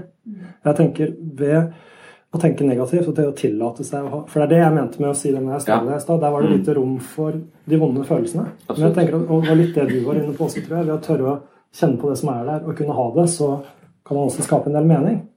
Det betyr ikke at man skal omfavne det hele tiden og, og, på en måte bare være den negative. Det var vel et eh, argument i boka hans også, at hvis du bare omfavner det negative, så blir du en ganske dårlig sjåfør. Mm. Det blir vanskelig i trafikken. Mm men det å tillate seg å kjenne at det er der, og se om det kan være noe mening i det, det tenker jeg er viktig. Ja. For, En av de bivirkningene jeg har opplevd, jeg har prøvd å meditere i mange år nå. Liksom, meditasjon er jo et sånt prosjekt hvor du på en måte skal ha en slags radikal aksept for alt som dukker opp i bevisstheten. Hvis du bare sviler som denne observatøren, så dukker du så, så, på en måte du finner en slags sånn Jeg finner en form for balanse i det. Men jeg får jæklig mye mer dødsangst også. Altså Det kommer mye drit inn på den arenaen også, som jeg har eh, sannsynligvis brukt en del energi på å holde unna. Okay. Så, så, jo mer jo, jo, bedre jeg får det, jo verre får jeg det også. Det det er som, om, eh, som om denne så, som, som om det å utvikle seg egentlig handler bare om å føle enda mer. Enda mer vonde ting, enda mer sorg, men også mer glede. altså Du får begge deler. altså du, du, Men du tåler kanskje du tåler de kraftige følelsene mer. Mm. Så, så det også ikke bare forholde seg til altså bare gå videre, men faktisk tørre de følelsene. At det er en del av treningsøkta her. Og så tåle livets sterke følelser, for da blir det sterkere farger. Ja. Uh, så tenk deg alle de som kommer inn da, og sier at jeg er den dårligste mammaen i verden. Som kommer inn som vi møter. Da ringer jeg barnevernet. Ja, ok, kanskje. Men, men, før de gjør det, da. Så, så, eh, så, tenker jeg, ok, så gjør de veldig mange ting for ikke å ha de følelsene. For de er så ubehagelige at de, de gjør kanskje ting som gjør det til en dårlig mamma. da. Du drikker eller mm. surfer på nettet eller hva det måtte være. Mm. Men den følelsen sier jo noe om at det er viktig å være en god mamma. Mm. Hvis de ikke hadde brydd seg om å være en god mamma, så hadde det ikke gjort så vondt. Så hva hvis du kan lære folk å respondere annerledes på den følelsen? Når du kjenner den, så er det faktisk ikke fienden din. Den følelsen som gjør vondt i hjertet ditt, forteller at det er viktig å være en god mamma. Og kan vi hjelpe folk enten det er da ut av rommet, ikke sant? ut av PC-rommet, eller å følge i barnehagen. Så mm. hjelper de å respondere annerledes. Mm. Da får følelsen en ny funksjon. Mm. Det tenker jeg er kjernen i terapi. Ja. Og kjernen i alle de store visdomstradisjonene, altså ja. om, om, det er bevissthet eller hva det er for noe. Altså, hvis rommet er bevisstheten, så alt det som foregår inni rommet, det er bare det som er innholdet i bevisstheten din. Og det du sier er at det, og da er det det jeg prøvde å snakke om i går. altså Ikke tro på tankene om følelsene dine. er jo for det, Ikke vær så tett knytta til dem. Ja. En følelse kan ikke skade. En følelse kommer og forteller deg noe. Og uansett hvor farlig og skummel den ser ut, eh, tør den. Mm. Men så viser det seg at vi har et helt stort psykisk forsvarsapparat som er der for å holde de kraftigste følelsene på avstand. Fordi at de ikke skal komme inn og overrumple oss, for da lyder vi psykisk sammenbrudd. Så, så, en annen måte å se terapi på er jo på en måte eh, tilstrebe mer modne forsvarsmekanismer, tåle sterkere følelser for å ha, bruke mindre energi på å unnvike de, de, sterke, de sterke, følelsene. Mm. Så det, men det er litt det samme, men, men hvis du får den innsikten da, at du er ikke tankene og følelsene dine, de er noe som kommer og går i deg, mm. eh, så har du jo virkelig vunnet et stort Men det føler jeg man kan si til folk, men det hjelper ikke. Altså, De må erfare det. Det er derfor mindfulness ikke er en ikke er et godt råd. Det er en praksis, det er en treningsform. Det er ikke som å fortelle folk ja, nå skal jeg forklare deg hvordan du skal gå på line. Mm. Uh, og, og, så gir du de uh, ti punkter, instrukser. Binde opp lina mellom de to trærne her. Ta ja. først høyrebeinet og venstrebeinet. Nå kan du gå på line. Ja. Men selv om de har gitt en jæklig god forklaring, så er det ikke sikkert de kan gå på den lina. Nei, så Du må uh, spille på strengene for å lære å spille gitar. Ja, så på en eller annen måte så er, så er, det kanskje sånn med denne innsikten Vi prøver på en måte angripe fra mange sider her. Mm. Altså Hvis vi ikke er tankene og følelsene våre, så kan vi ikke forstå det intellektuelt, mm. men en gang et eller annet irriterer meg, et eller annet, så er, så er jeg tilbake igjen i, uh, i idiottilstand, på en måte. Uh, uh, status quo for meg. Det du da sier, er at det lærer ved kroppen, det sitter i hodet. Cool fact a crocodile can't stick out its tongue. Also, you can get health insurance for a month or just under a year in some states. United Healthcare short term insurance plans, underwritten by Golden Rule Insurance Company, offer flexible, budget friendly coverage for you. Learn more at uh1.com. Ever catch yourself eating the same flavorless dinner three days in a row? Dreaming of something better? Well, HelloFresh is your guilt free dream come true, baby. It's me, Gigi Palmer. Let's wake up those taste buds with hot, juicy pecan crusted chicken or garlic butter shrimp scampi. Mm. Hello Fresh. Stop dreaming of all the delicious possibilities and dig in at HelloFresh.com. Let's get this dinner party started. This is Paige, the co-host of Giggly Squad, and I want to tell you about a company that I've been loving, Olive and June. Olive and June gives you everything that you need for a salon quality manicure in one box. And if you break it down, it really comes out to $2 a manicure, which is absolutely insane. It's also so easy to get salon worthy nails at home with Olive and June. The difference between how your nails used to look when you did them yourself and now with the Manny system is a complete game changer. The best thing about Olive and June too is it's a quick dry, dries in about one minute, lasts for five days, and full coverage in up to one to two coats. Visit oliveandjune.com slash perfectmanny20 for 20% off your first system. That's oliveandjune.com slash perfectmanny20 for 20% off your first system. System.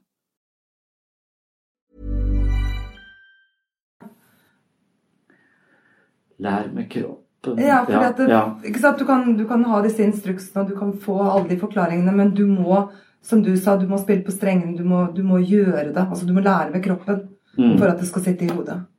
Ja, jeg tenker at det, eh, og, ja, mm. jeg tenker at mindfulness er en treningsøkt. altså Det å løfte vekter. Så hver gang tankene dine går et sted, så trar du tilbake her og nå. så Du, du trener opp din egen bevissthet og tilstedeværelse eh, her og nå. uten å, at dette egentlig det var i mindfulnessene. Mm. Ja, men det er en treningsøkt, akkurat som dette er en, mm. er en treningsøkt.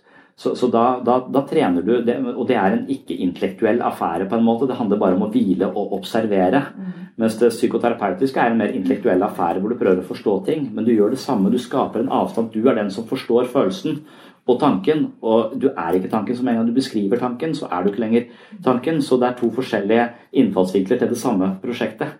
Uh, så, og, og, det kan Men det er jeg, jeg, tror det er Hvis hjernen er en muskel, så er det en, en trening av denne, denne muskelen.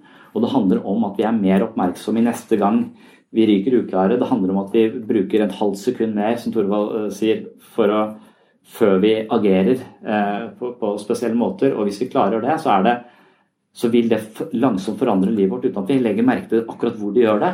Men det er litt sånn som at du på en måte får en litt større ro på ting. Akkurat som hvis du trener musklene dine, så er det litt lettere å løfte ei kasse. Eh, på en måte. du legger ikke merke til at du har blitt veldig mye sterkere, med mindre du driver som brengpress og driver og måler det. Men du merker at det å flytte blir litt enklere. Mm. Eh, fordi du har litt sterkere muskler.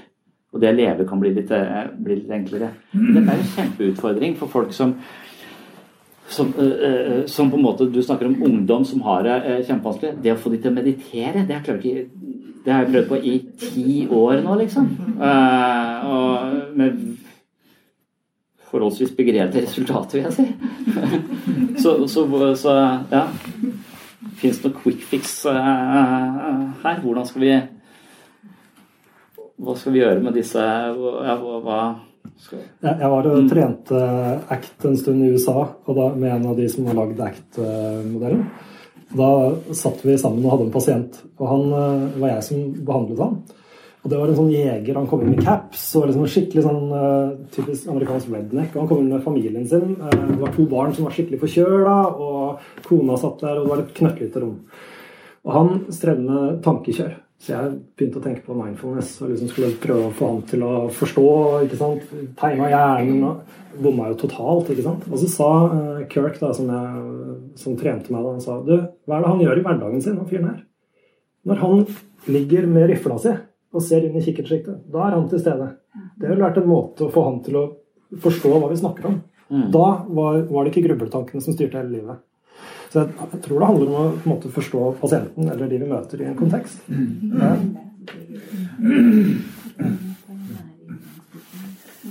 Men det han også sier i punkt to der, er dette med døden. Og det har vært en av mine motivasjoner for den siste boka. Eh, jeg skrev altså det at jeg syns at døden er Så han sier jo egentlig sånn memento mori, husk du skal dø. Tenk på døden hver dag. Det setter ting i perspektiv. Og der, der leste jeg akkurat en studie, eller jeg hørte også en annen podkast jeg anbefaler, Very Bad Wizards.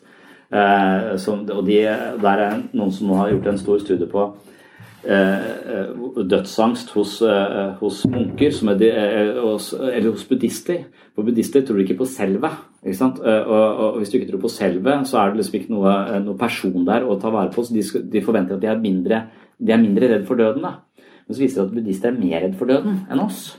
Eh, så, så, spørsmålet De som ikke er redde for døden, de er de som har skjønt eh, et eller annet stort ved å meditere i 20 000 timer og stirre inn i, i seg sjøl.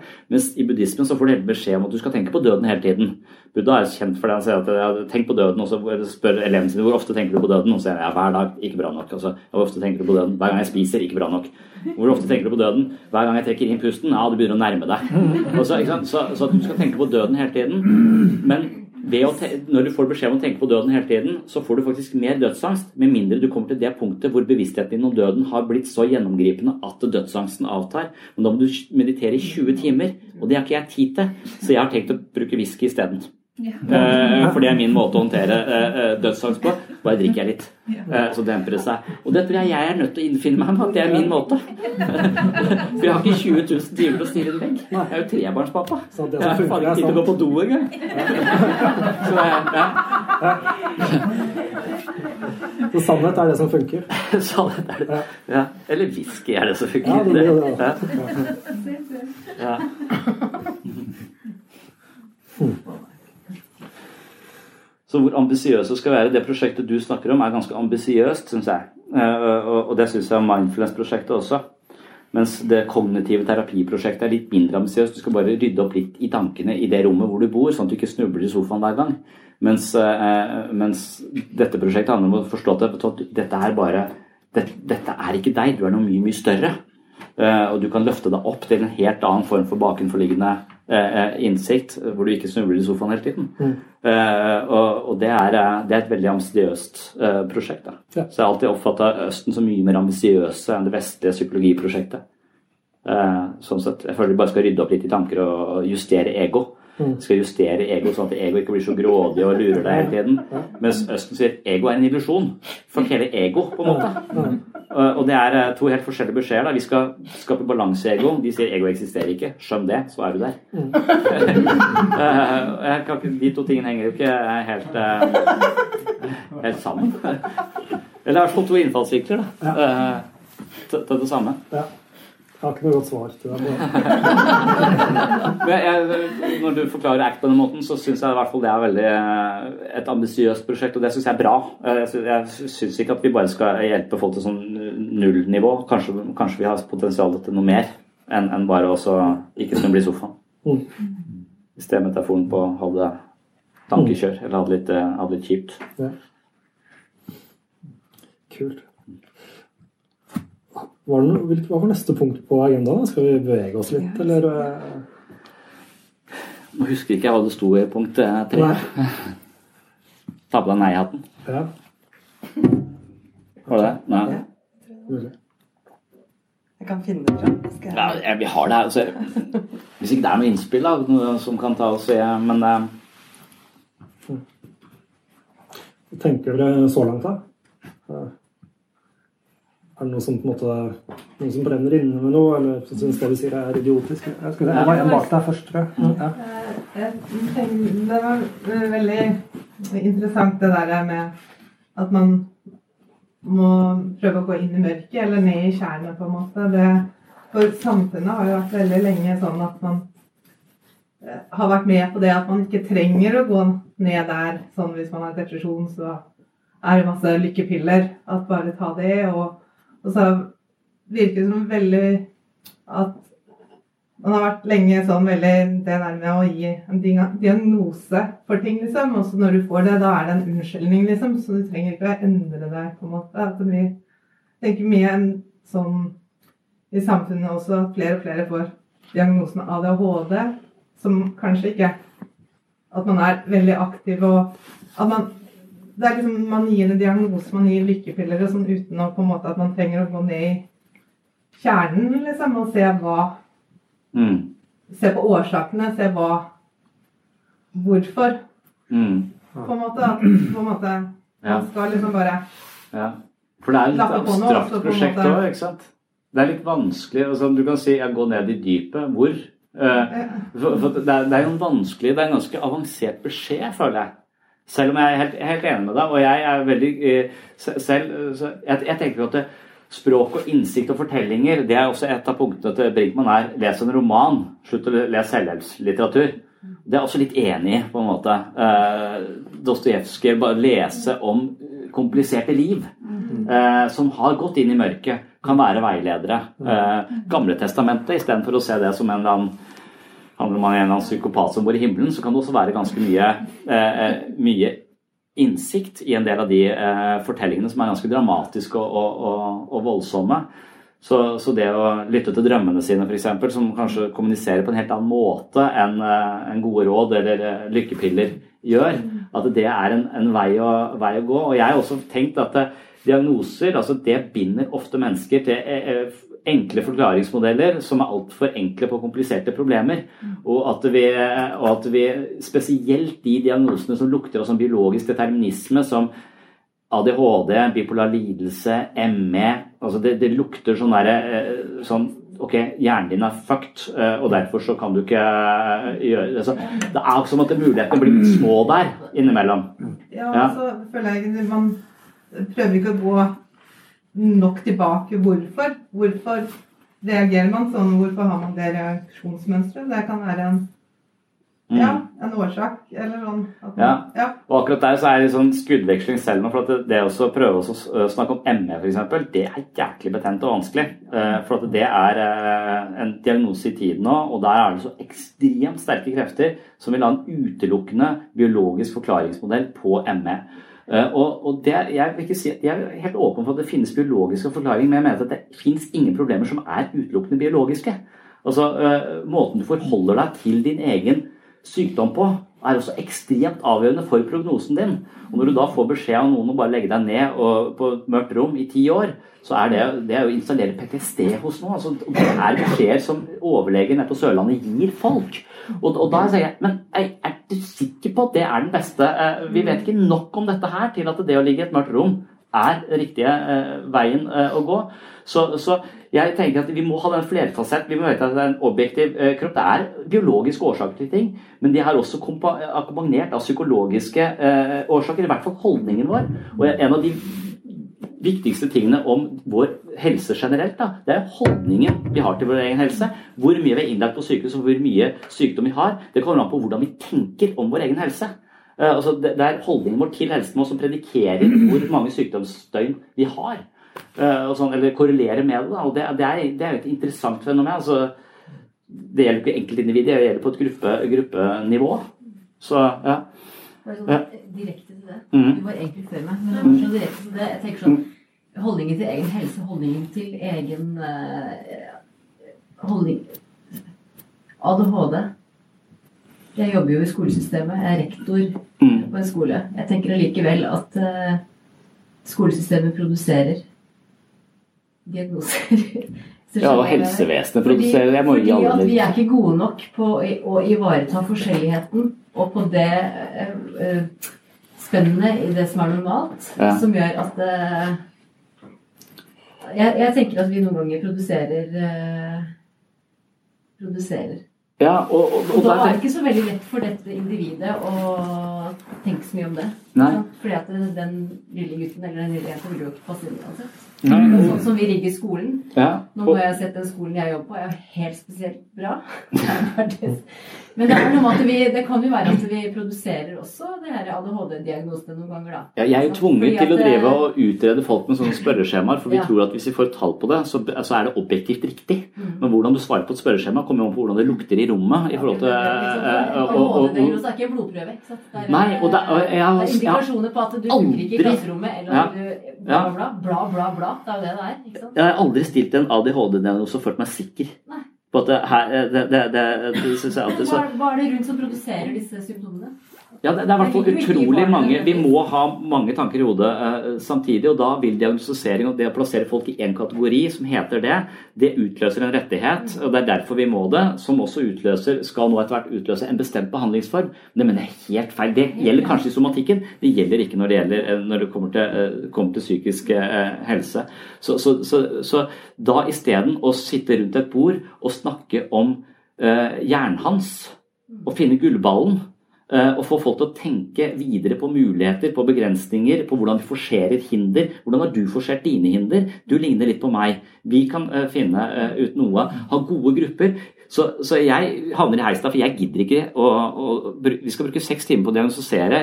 Vi får stadig vekk Det er New Public Management i sykehuset de luxe.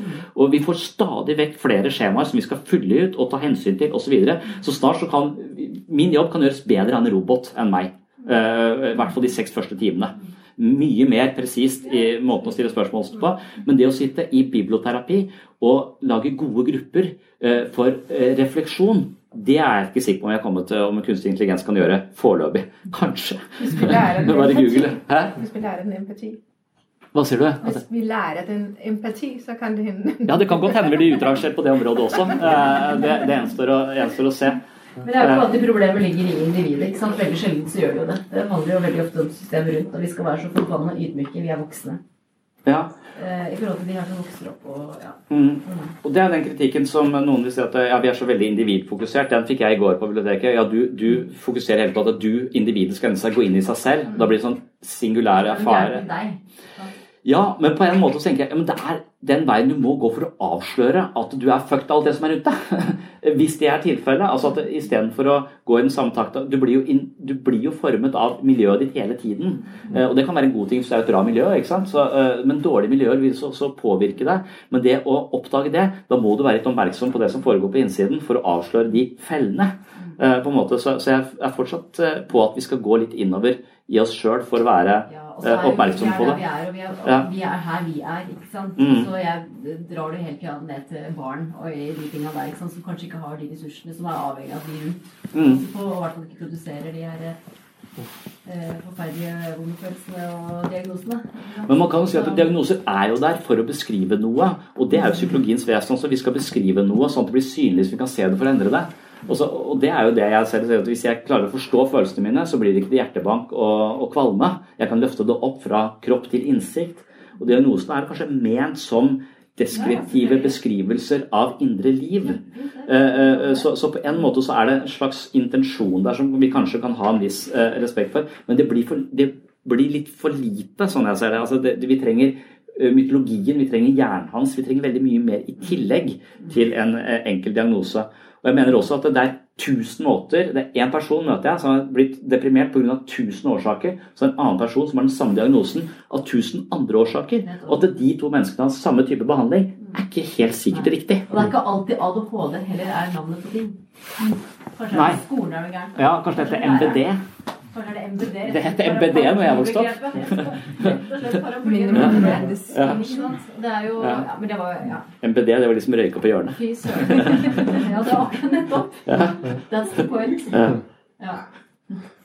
Det er et veldig stort spørsmål. Jeg Mm. kjente jeg bevisst ikke kasta meg så inn i det, for jeg tror vi åpner et vepsebol. Mm. Eh, ja, det er ikke sikkert vi finner svaret på det. Men du hadde også et spørsmål? Også jeg. Det er egentlig ikke lenger, men jeg syns det er kjempeinteressant. For det er liksom det perspektivet vi setter i det. Det er ikke stort nok. Det er, eh, Ja. det er alltid noe som faller utenom. Hva er intelligens egentlig? Hva er IQ? Hva er, hvilken mal tar du ut ifra? Alt dette her. Det er, eh, det er eh, store spørsmål. For det med intelligens er også, det er også en sånn Jordan Peterson har vært i veldig sånn hardt vær for det å snakke om intelligens er farlig og sånn, sånn farefullt eh, tema. Men det er like han sånn heter eh, Howard Gardner og, og han som skrev 'Frames of Mind', som, som kritiserte nettopp det at intelligens måler noe. Det måler en, en kognitiv ferdighet, på en måte. Mens, mens mennesker kanskje er sammensatt av kanskje vi har musikalsk intelligens, kanskje vi har kognitiv intelligens, kanskje vi har kinestetisk intelligens, motorisk intelligens, moralsk intelligens, emosjonell intelligens, sosial intelligens. Så kanskje det finnes et bredt spekter av intelligenser. Så, så det finnes en sånn utredning for en psykograf, da, hvor du ser hvor du er høy osv. Så, så veldig høy, hvis du kan være veldig høy på sånn vanlig intelligens, veldig lav på moral intelligens, og så kan du bli president. Så, så, eh, eller diktator. Du egner deg veldig som eh, Du er veldig intelligent, eh, du er veldig verbalt sterk, og du har ingen moralsk sans, så du kan bli diktator. Så, så du, har, du kan jo ut ifra det. Men det var noe som sa til meg her i stad at vi må styrke de, de delene som folk er gode på. Jeg har gått litt motsatt av meg selv. altså Jeg har tatt sånne psykograftester og så vet at der er du ganske høy, men der er du ganske lav. Så jeg har valgt å fokusere litt på de stedene hvor jeg er lav, for å komme litt mer Jeg har ikke lyst til å bli en spesialist, jeg har lyst til å bli generalist.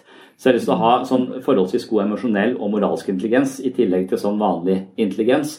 Og så har jeg droppa musikalsk intelligens. Eh, eh, for det eh, faren min ikke tvang meg til å spille piano, men han tvang broren min til å spille piano. Og han har nå masse glede av musikken. Jeg kan ikke spille en dritt. Det er jeg litt bitter for. Han sitter bak der.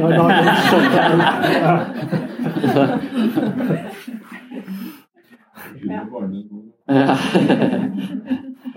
Det er farlig. Ja. Mm. Jeg har et spørsmål om det mørket dere snakker om. Ja. Fordi jeg tenker litt på det med litt i act, da. For at man går inn og ikke skal ta tak i tankene. At de skal være tanker som går forbi. Eh, og idet man går inn i mørket, da, så får du mange tanker om det som er vanskelig. Eh, og du gir jo de tankene mer oppmerksomhet i en periode. Jeg tenker litt på eh, hvor heldig er det med altså, sånn selvhjelpslitteratur. Du kan jo begynne å belyse ting i livet ditt som du ikke har gitt så mye oppmerksomhet før, som da kanskje blir vekker eh, vonde ting, og da kanskje du kan få ja, bruke nye mestringsstrategier som ikke er så heldige for deg. Eh, hva tenker dere om å liksom, bevege seg inn i den verdenen der? Jeg syns det er et kjempeviktig spørsmål. Jeg tror vi må være litt ydmyke også. Det er ganske mange som blir dårligere av å gå i psykoterapi. Det har vært forskning på det de siste årene. Jeg tror litt for mange, faktisk. Så det må vi være klar over. Men samtidig så tenker jeg at det er veldig lett når du sitter med mennesker, da, så tenker du at dette vil være for vondt å gå inn i. Men når folk kommer til deg og har det vanskelig, så er de som regel inne i tankene mye av tiden. Enten det handler om å prøve å ikke tenke på det. ikke sant? Du tenker svart fordi du ikke vil tenke på hvitt. Da tenker du på hvitt. ikke sant? Eh, Sånn Sannsynligvis så sitter de med det så ved å hjelpe folk å håndtere det og legge merke til at det er der. Jeg vet ikke om jeg ville kalt det å gå inn i mørket. da, I hvert fall ikke hvis det er liksom å dypdykke og måtte gi seg hen til mørket. Men ved å tørre å kjenne på det og se det for det det er, og ikke det hjernen din sier at det er. ikke sant? Da tror jeg det er litt lettere å, å klare å gjøre viktige ting, sånn som du snakket om. Komme deg ut i livet ditt igjen.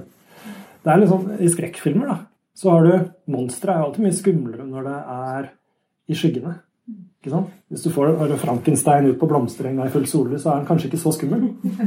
Og Sånn er det ofte med følelsene og tankene våre også. Så hvis vi kan lære å kjenne det igjen som de er, og ikke sånn som hjernen vår sier at de er, så har vi kommet ganske langt. Mm. Ja, men samtidig så, så sånn ja, så vil jo han Jung, eller i hvert fall George Beeson, har dette hele tiden dette mantraet om at du må innse at du kunne vært en fangevokter i Auschwitz. Uh, og så lenge du nekter å innse det, så er du en potensiell fangvokster i Auschwitz. Men med en gang du innser at du har destruktive krefter i deg, så ser du de, du er oppmerksom på det, og du eier de.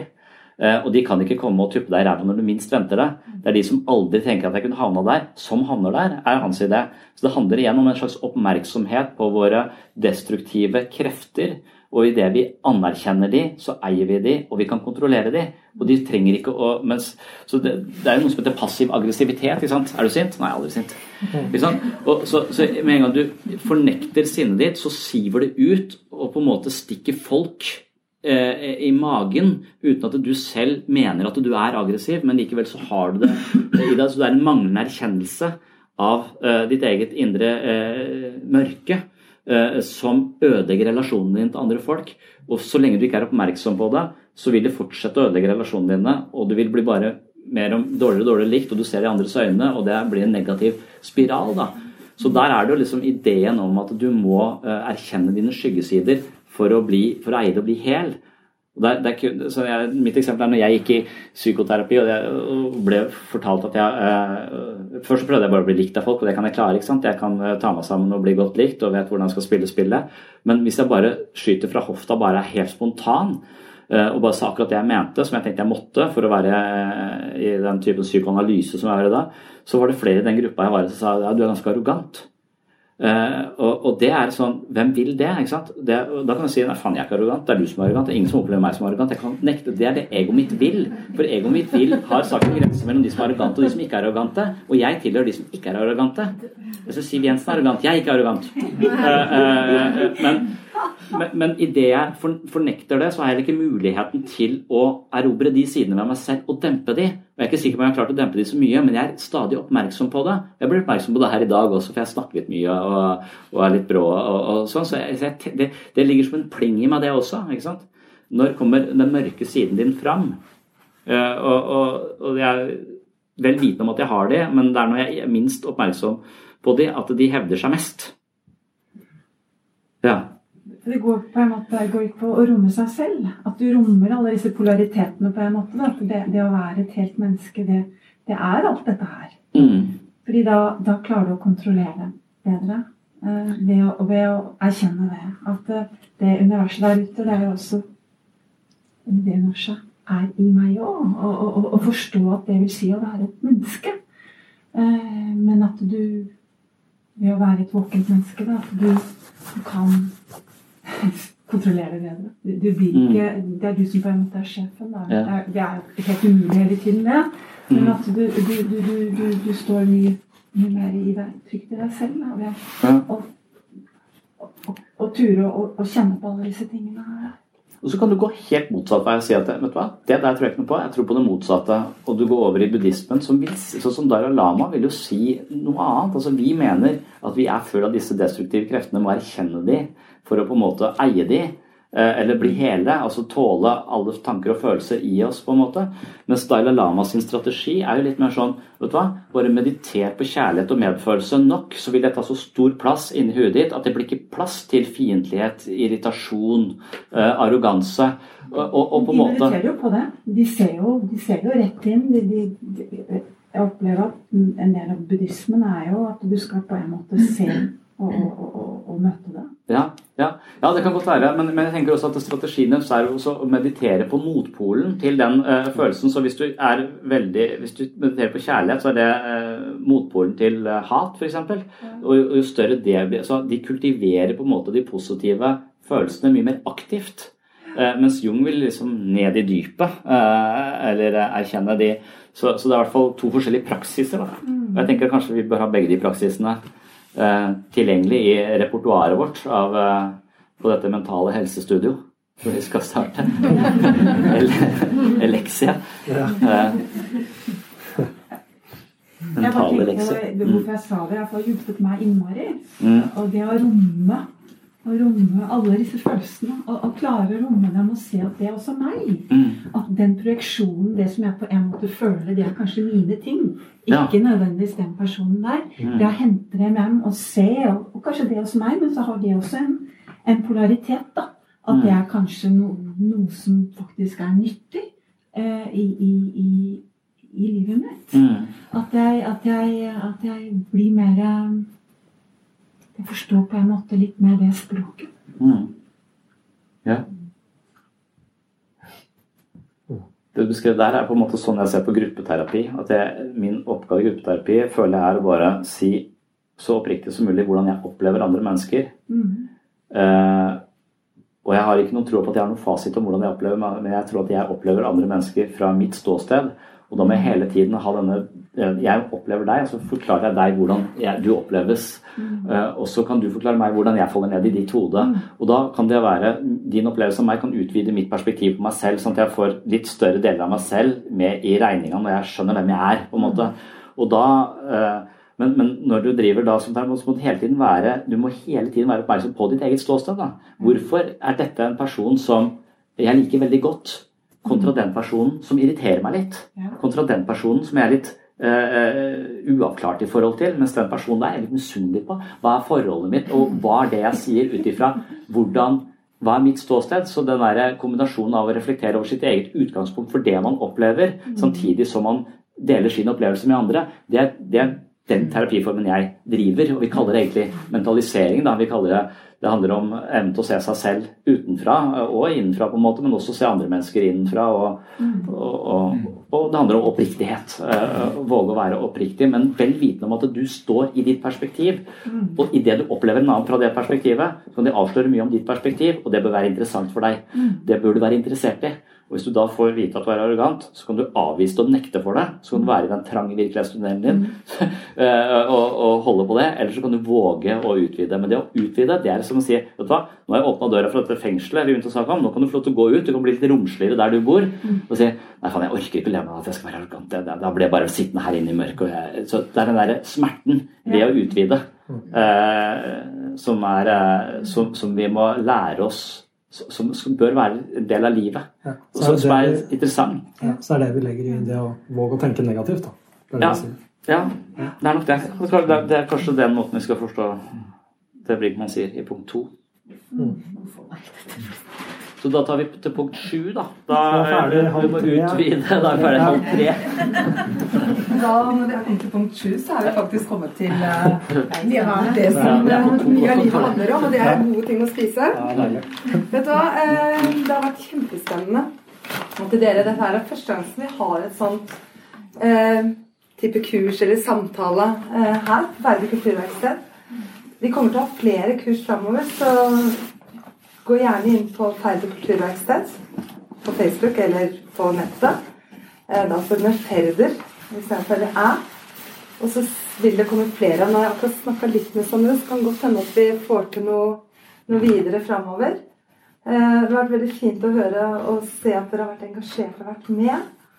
Så tusen takk til dere, og tusen hjertelig takk til deg, Sondre. Tusen takk. Tusen takk. Kjempefint. Og her, veldig fint. Tusen takk.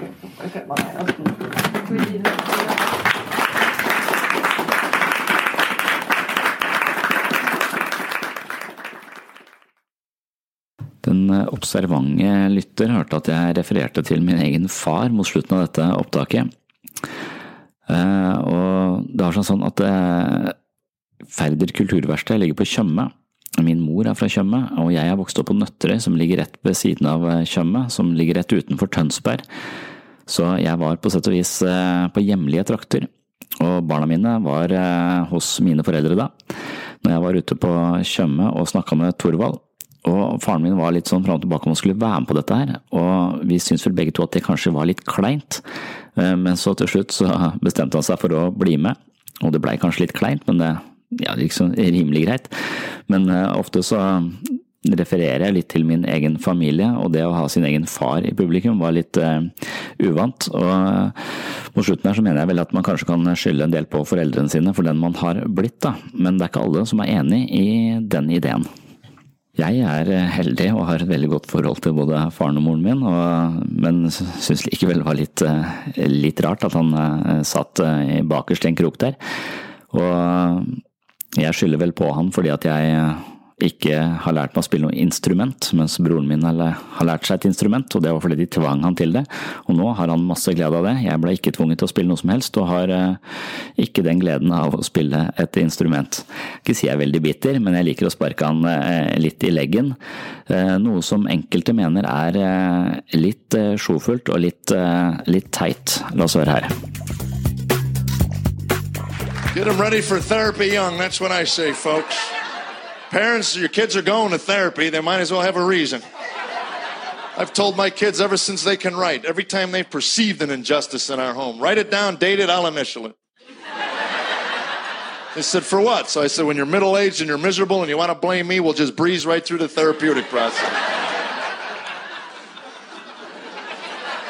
What is it with 45 year old men calling up their 70 year old fathers and blaming them for stuff? What do they expect the old guy to do? Well, I got my answer ready if my kids call me up 20 years from now. All I'm going to say is, oops.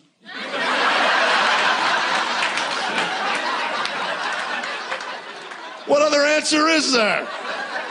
Do over? Come on, son, move back in. Me and mom will re raise you. Yeah, we're a lot calmer since our strokes.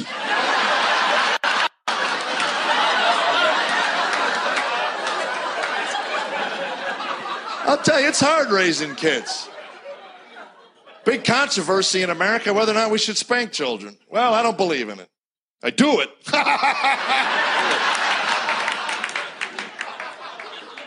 I'll tell you, I read something once. Punishment humiliates, discipline educates. I never once wanted to humiliate my children when I spanked them. I wanted to educate them.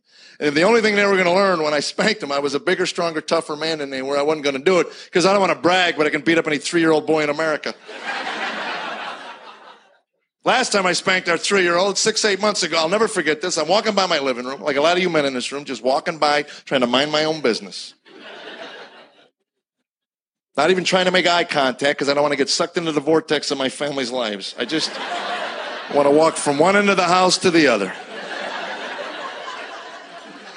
I hear a noise. I look over. There's my two and a half year old son on his knees trying to put a fork into a light socket. What are you supposed to chat with the child about that? Walk over, you know, son, I wouldn't do that. You know, electricity could hurt you. What's he going to say? Oh, thank you, father. You know, being only two, I was unaware of the dangerous side of electricity. Why, I think I'll take a time out and ponder our discussion.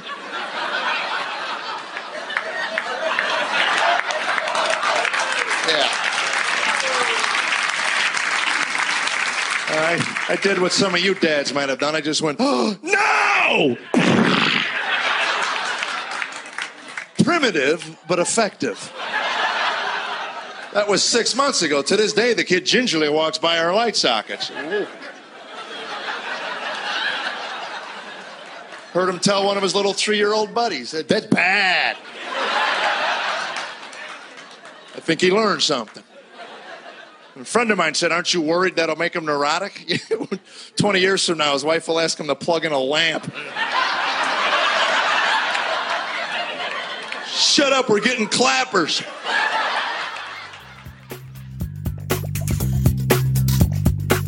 Ok, jeg får ta ansvar sjøl, ikke skylde på uh, foreldrene mine.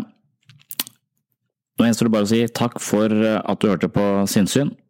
Jeg er veldig glad for de som liker uh, podkasten og melder dette inn til iTunes i form av stjerner og hyggelige kommentarer.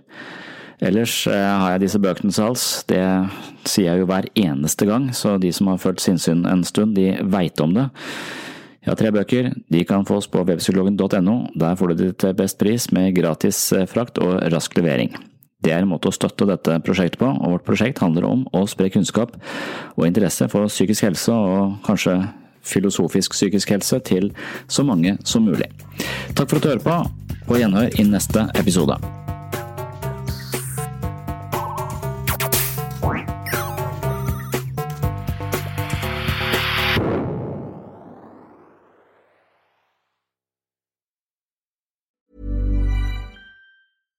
Mom deserves the best, and there's no better place to shop for Mother's Day than Whole Foods Market. They're your destination for unbeatable savings, from premium gifts to show-stopping flowers and irresistible desserts. Start by saving 33% with Prime on all body care and candles. Then get a 15-stem bunch of tulips for just $9.99 each with Prime. Round out Mom's menu with festive rosé, irresistible berry chantilly cake, and more special treats. Come celebrate Mother's Day at Whole Foods Market. I'm Daniel, founder of Pretty Litter. Did you know cats tend to hide symptoms of sickness and pain? I learned this the hard way after losing my cat, Gingy. So I created Pretty Litter, a health monitoring litter that helps detect early signs of illness by changing colors, saving you money and potentially your cat's life. Pretty Litter is veterinarian developed, and it's the easiest way to keep tabs on your fur baby's health right at home. Go to prettylitter.com and use code ACAST for 20% off your first order and a free cat toy. Terms and conditions apply. See site for details.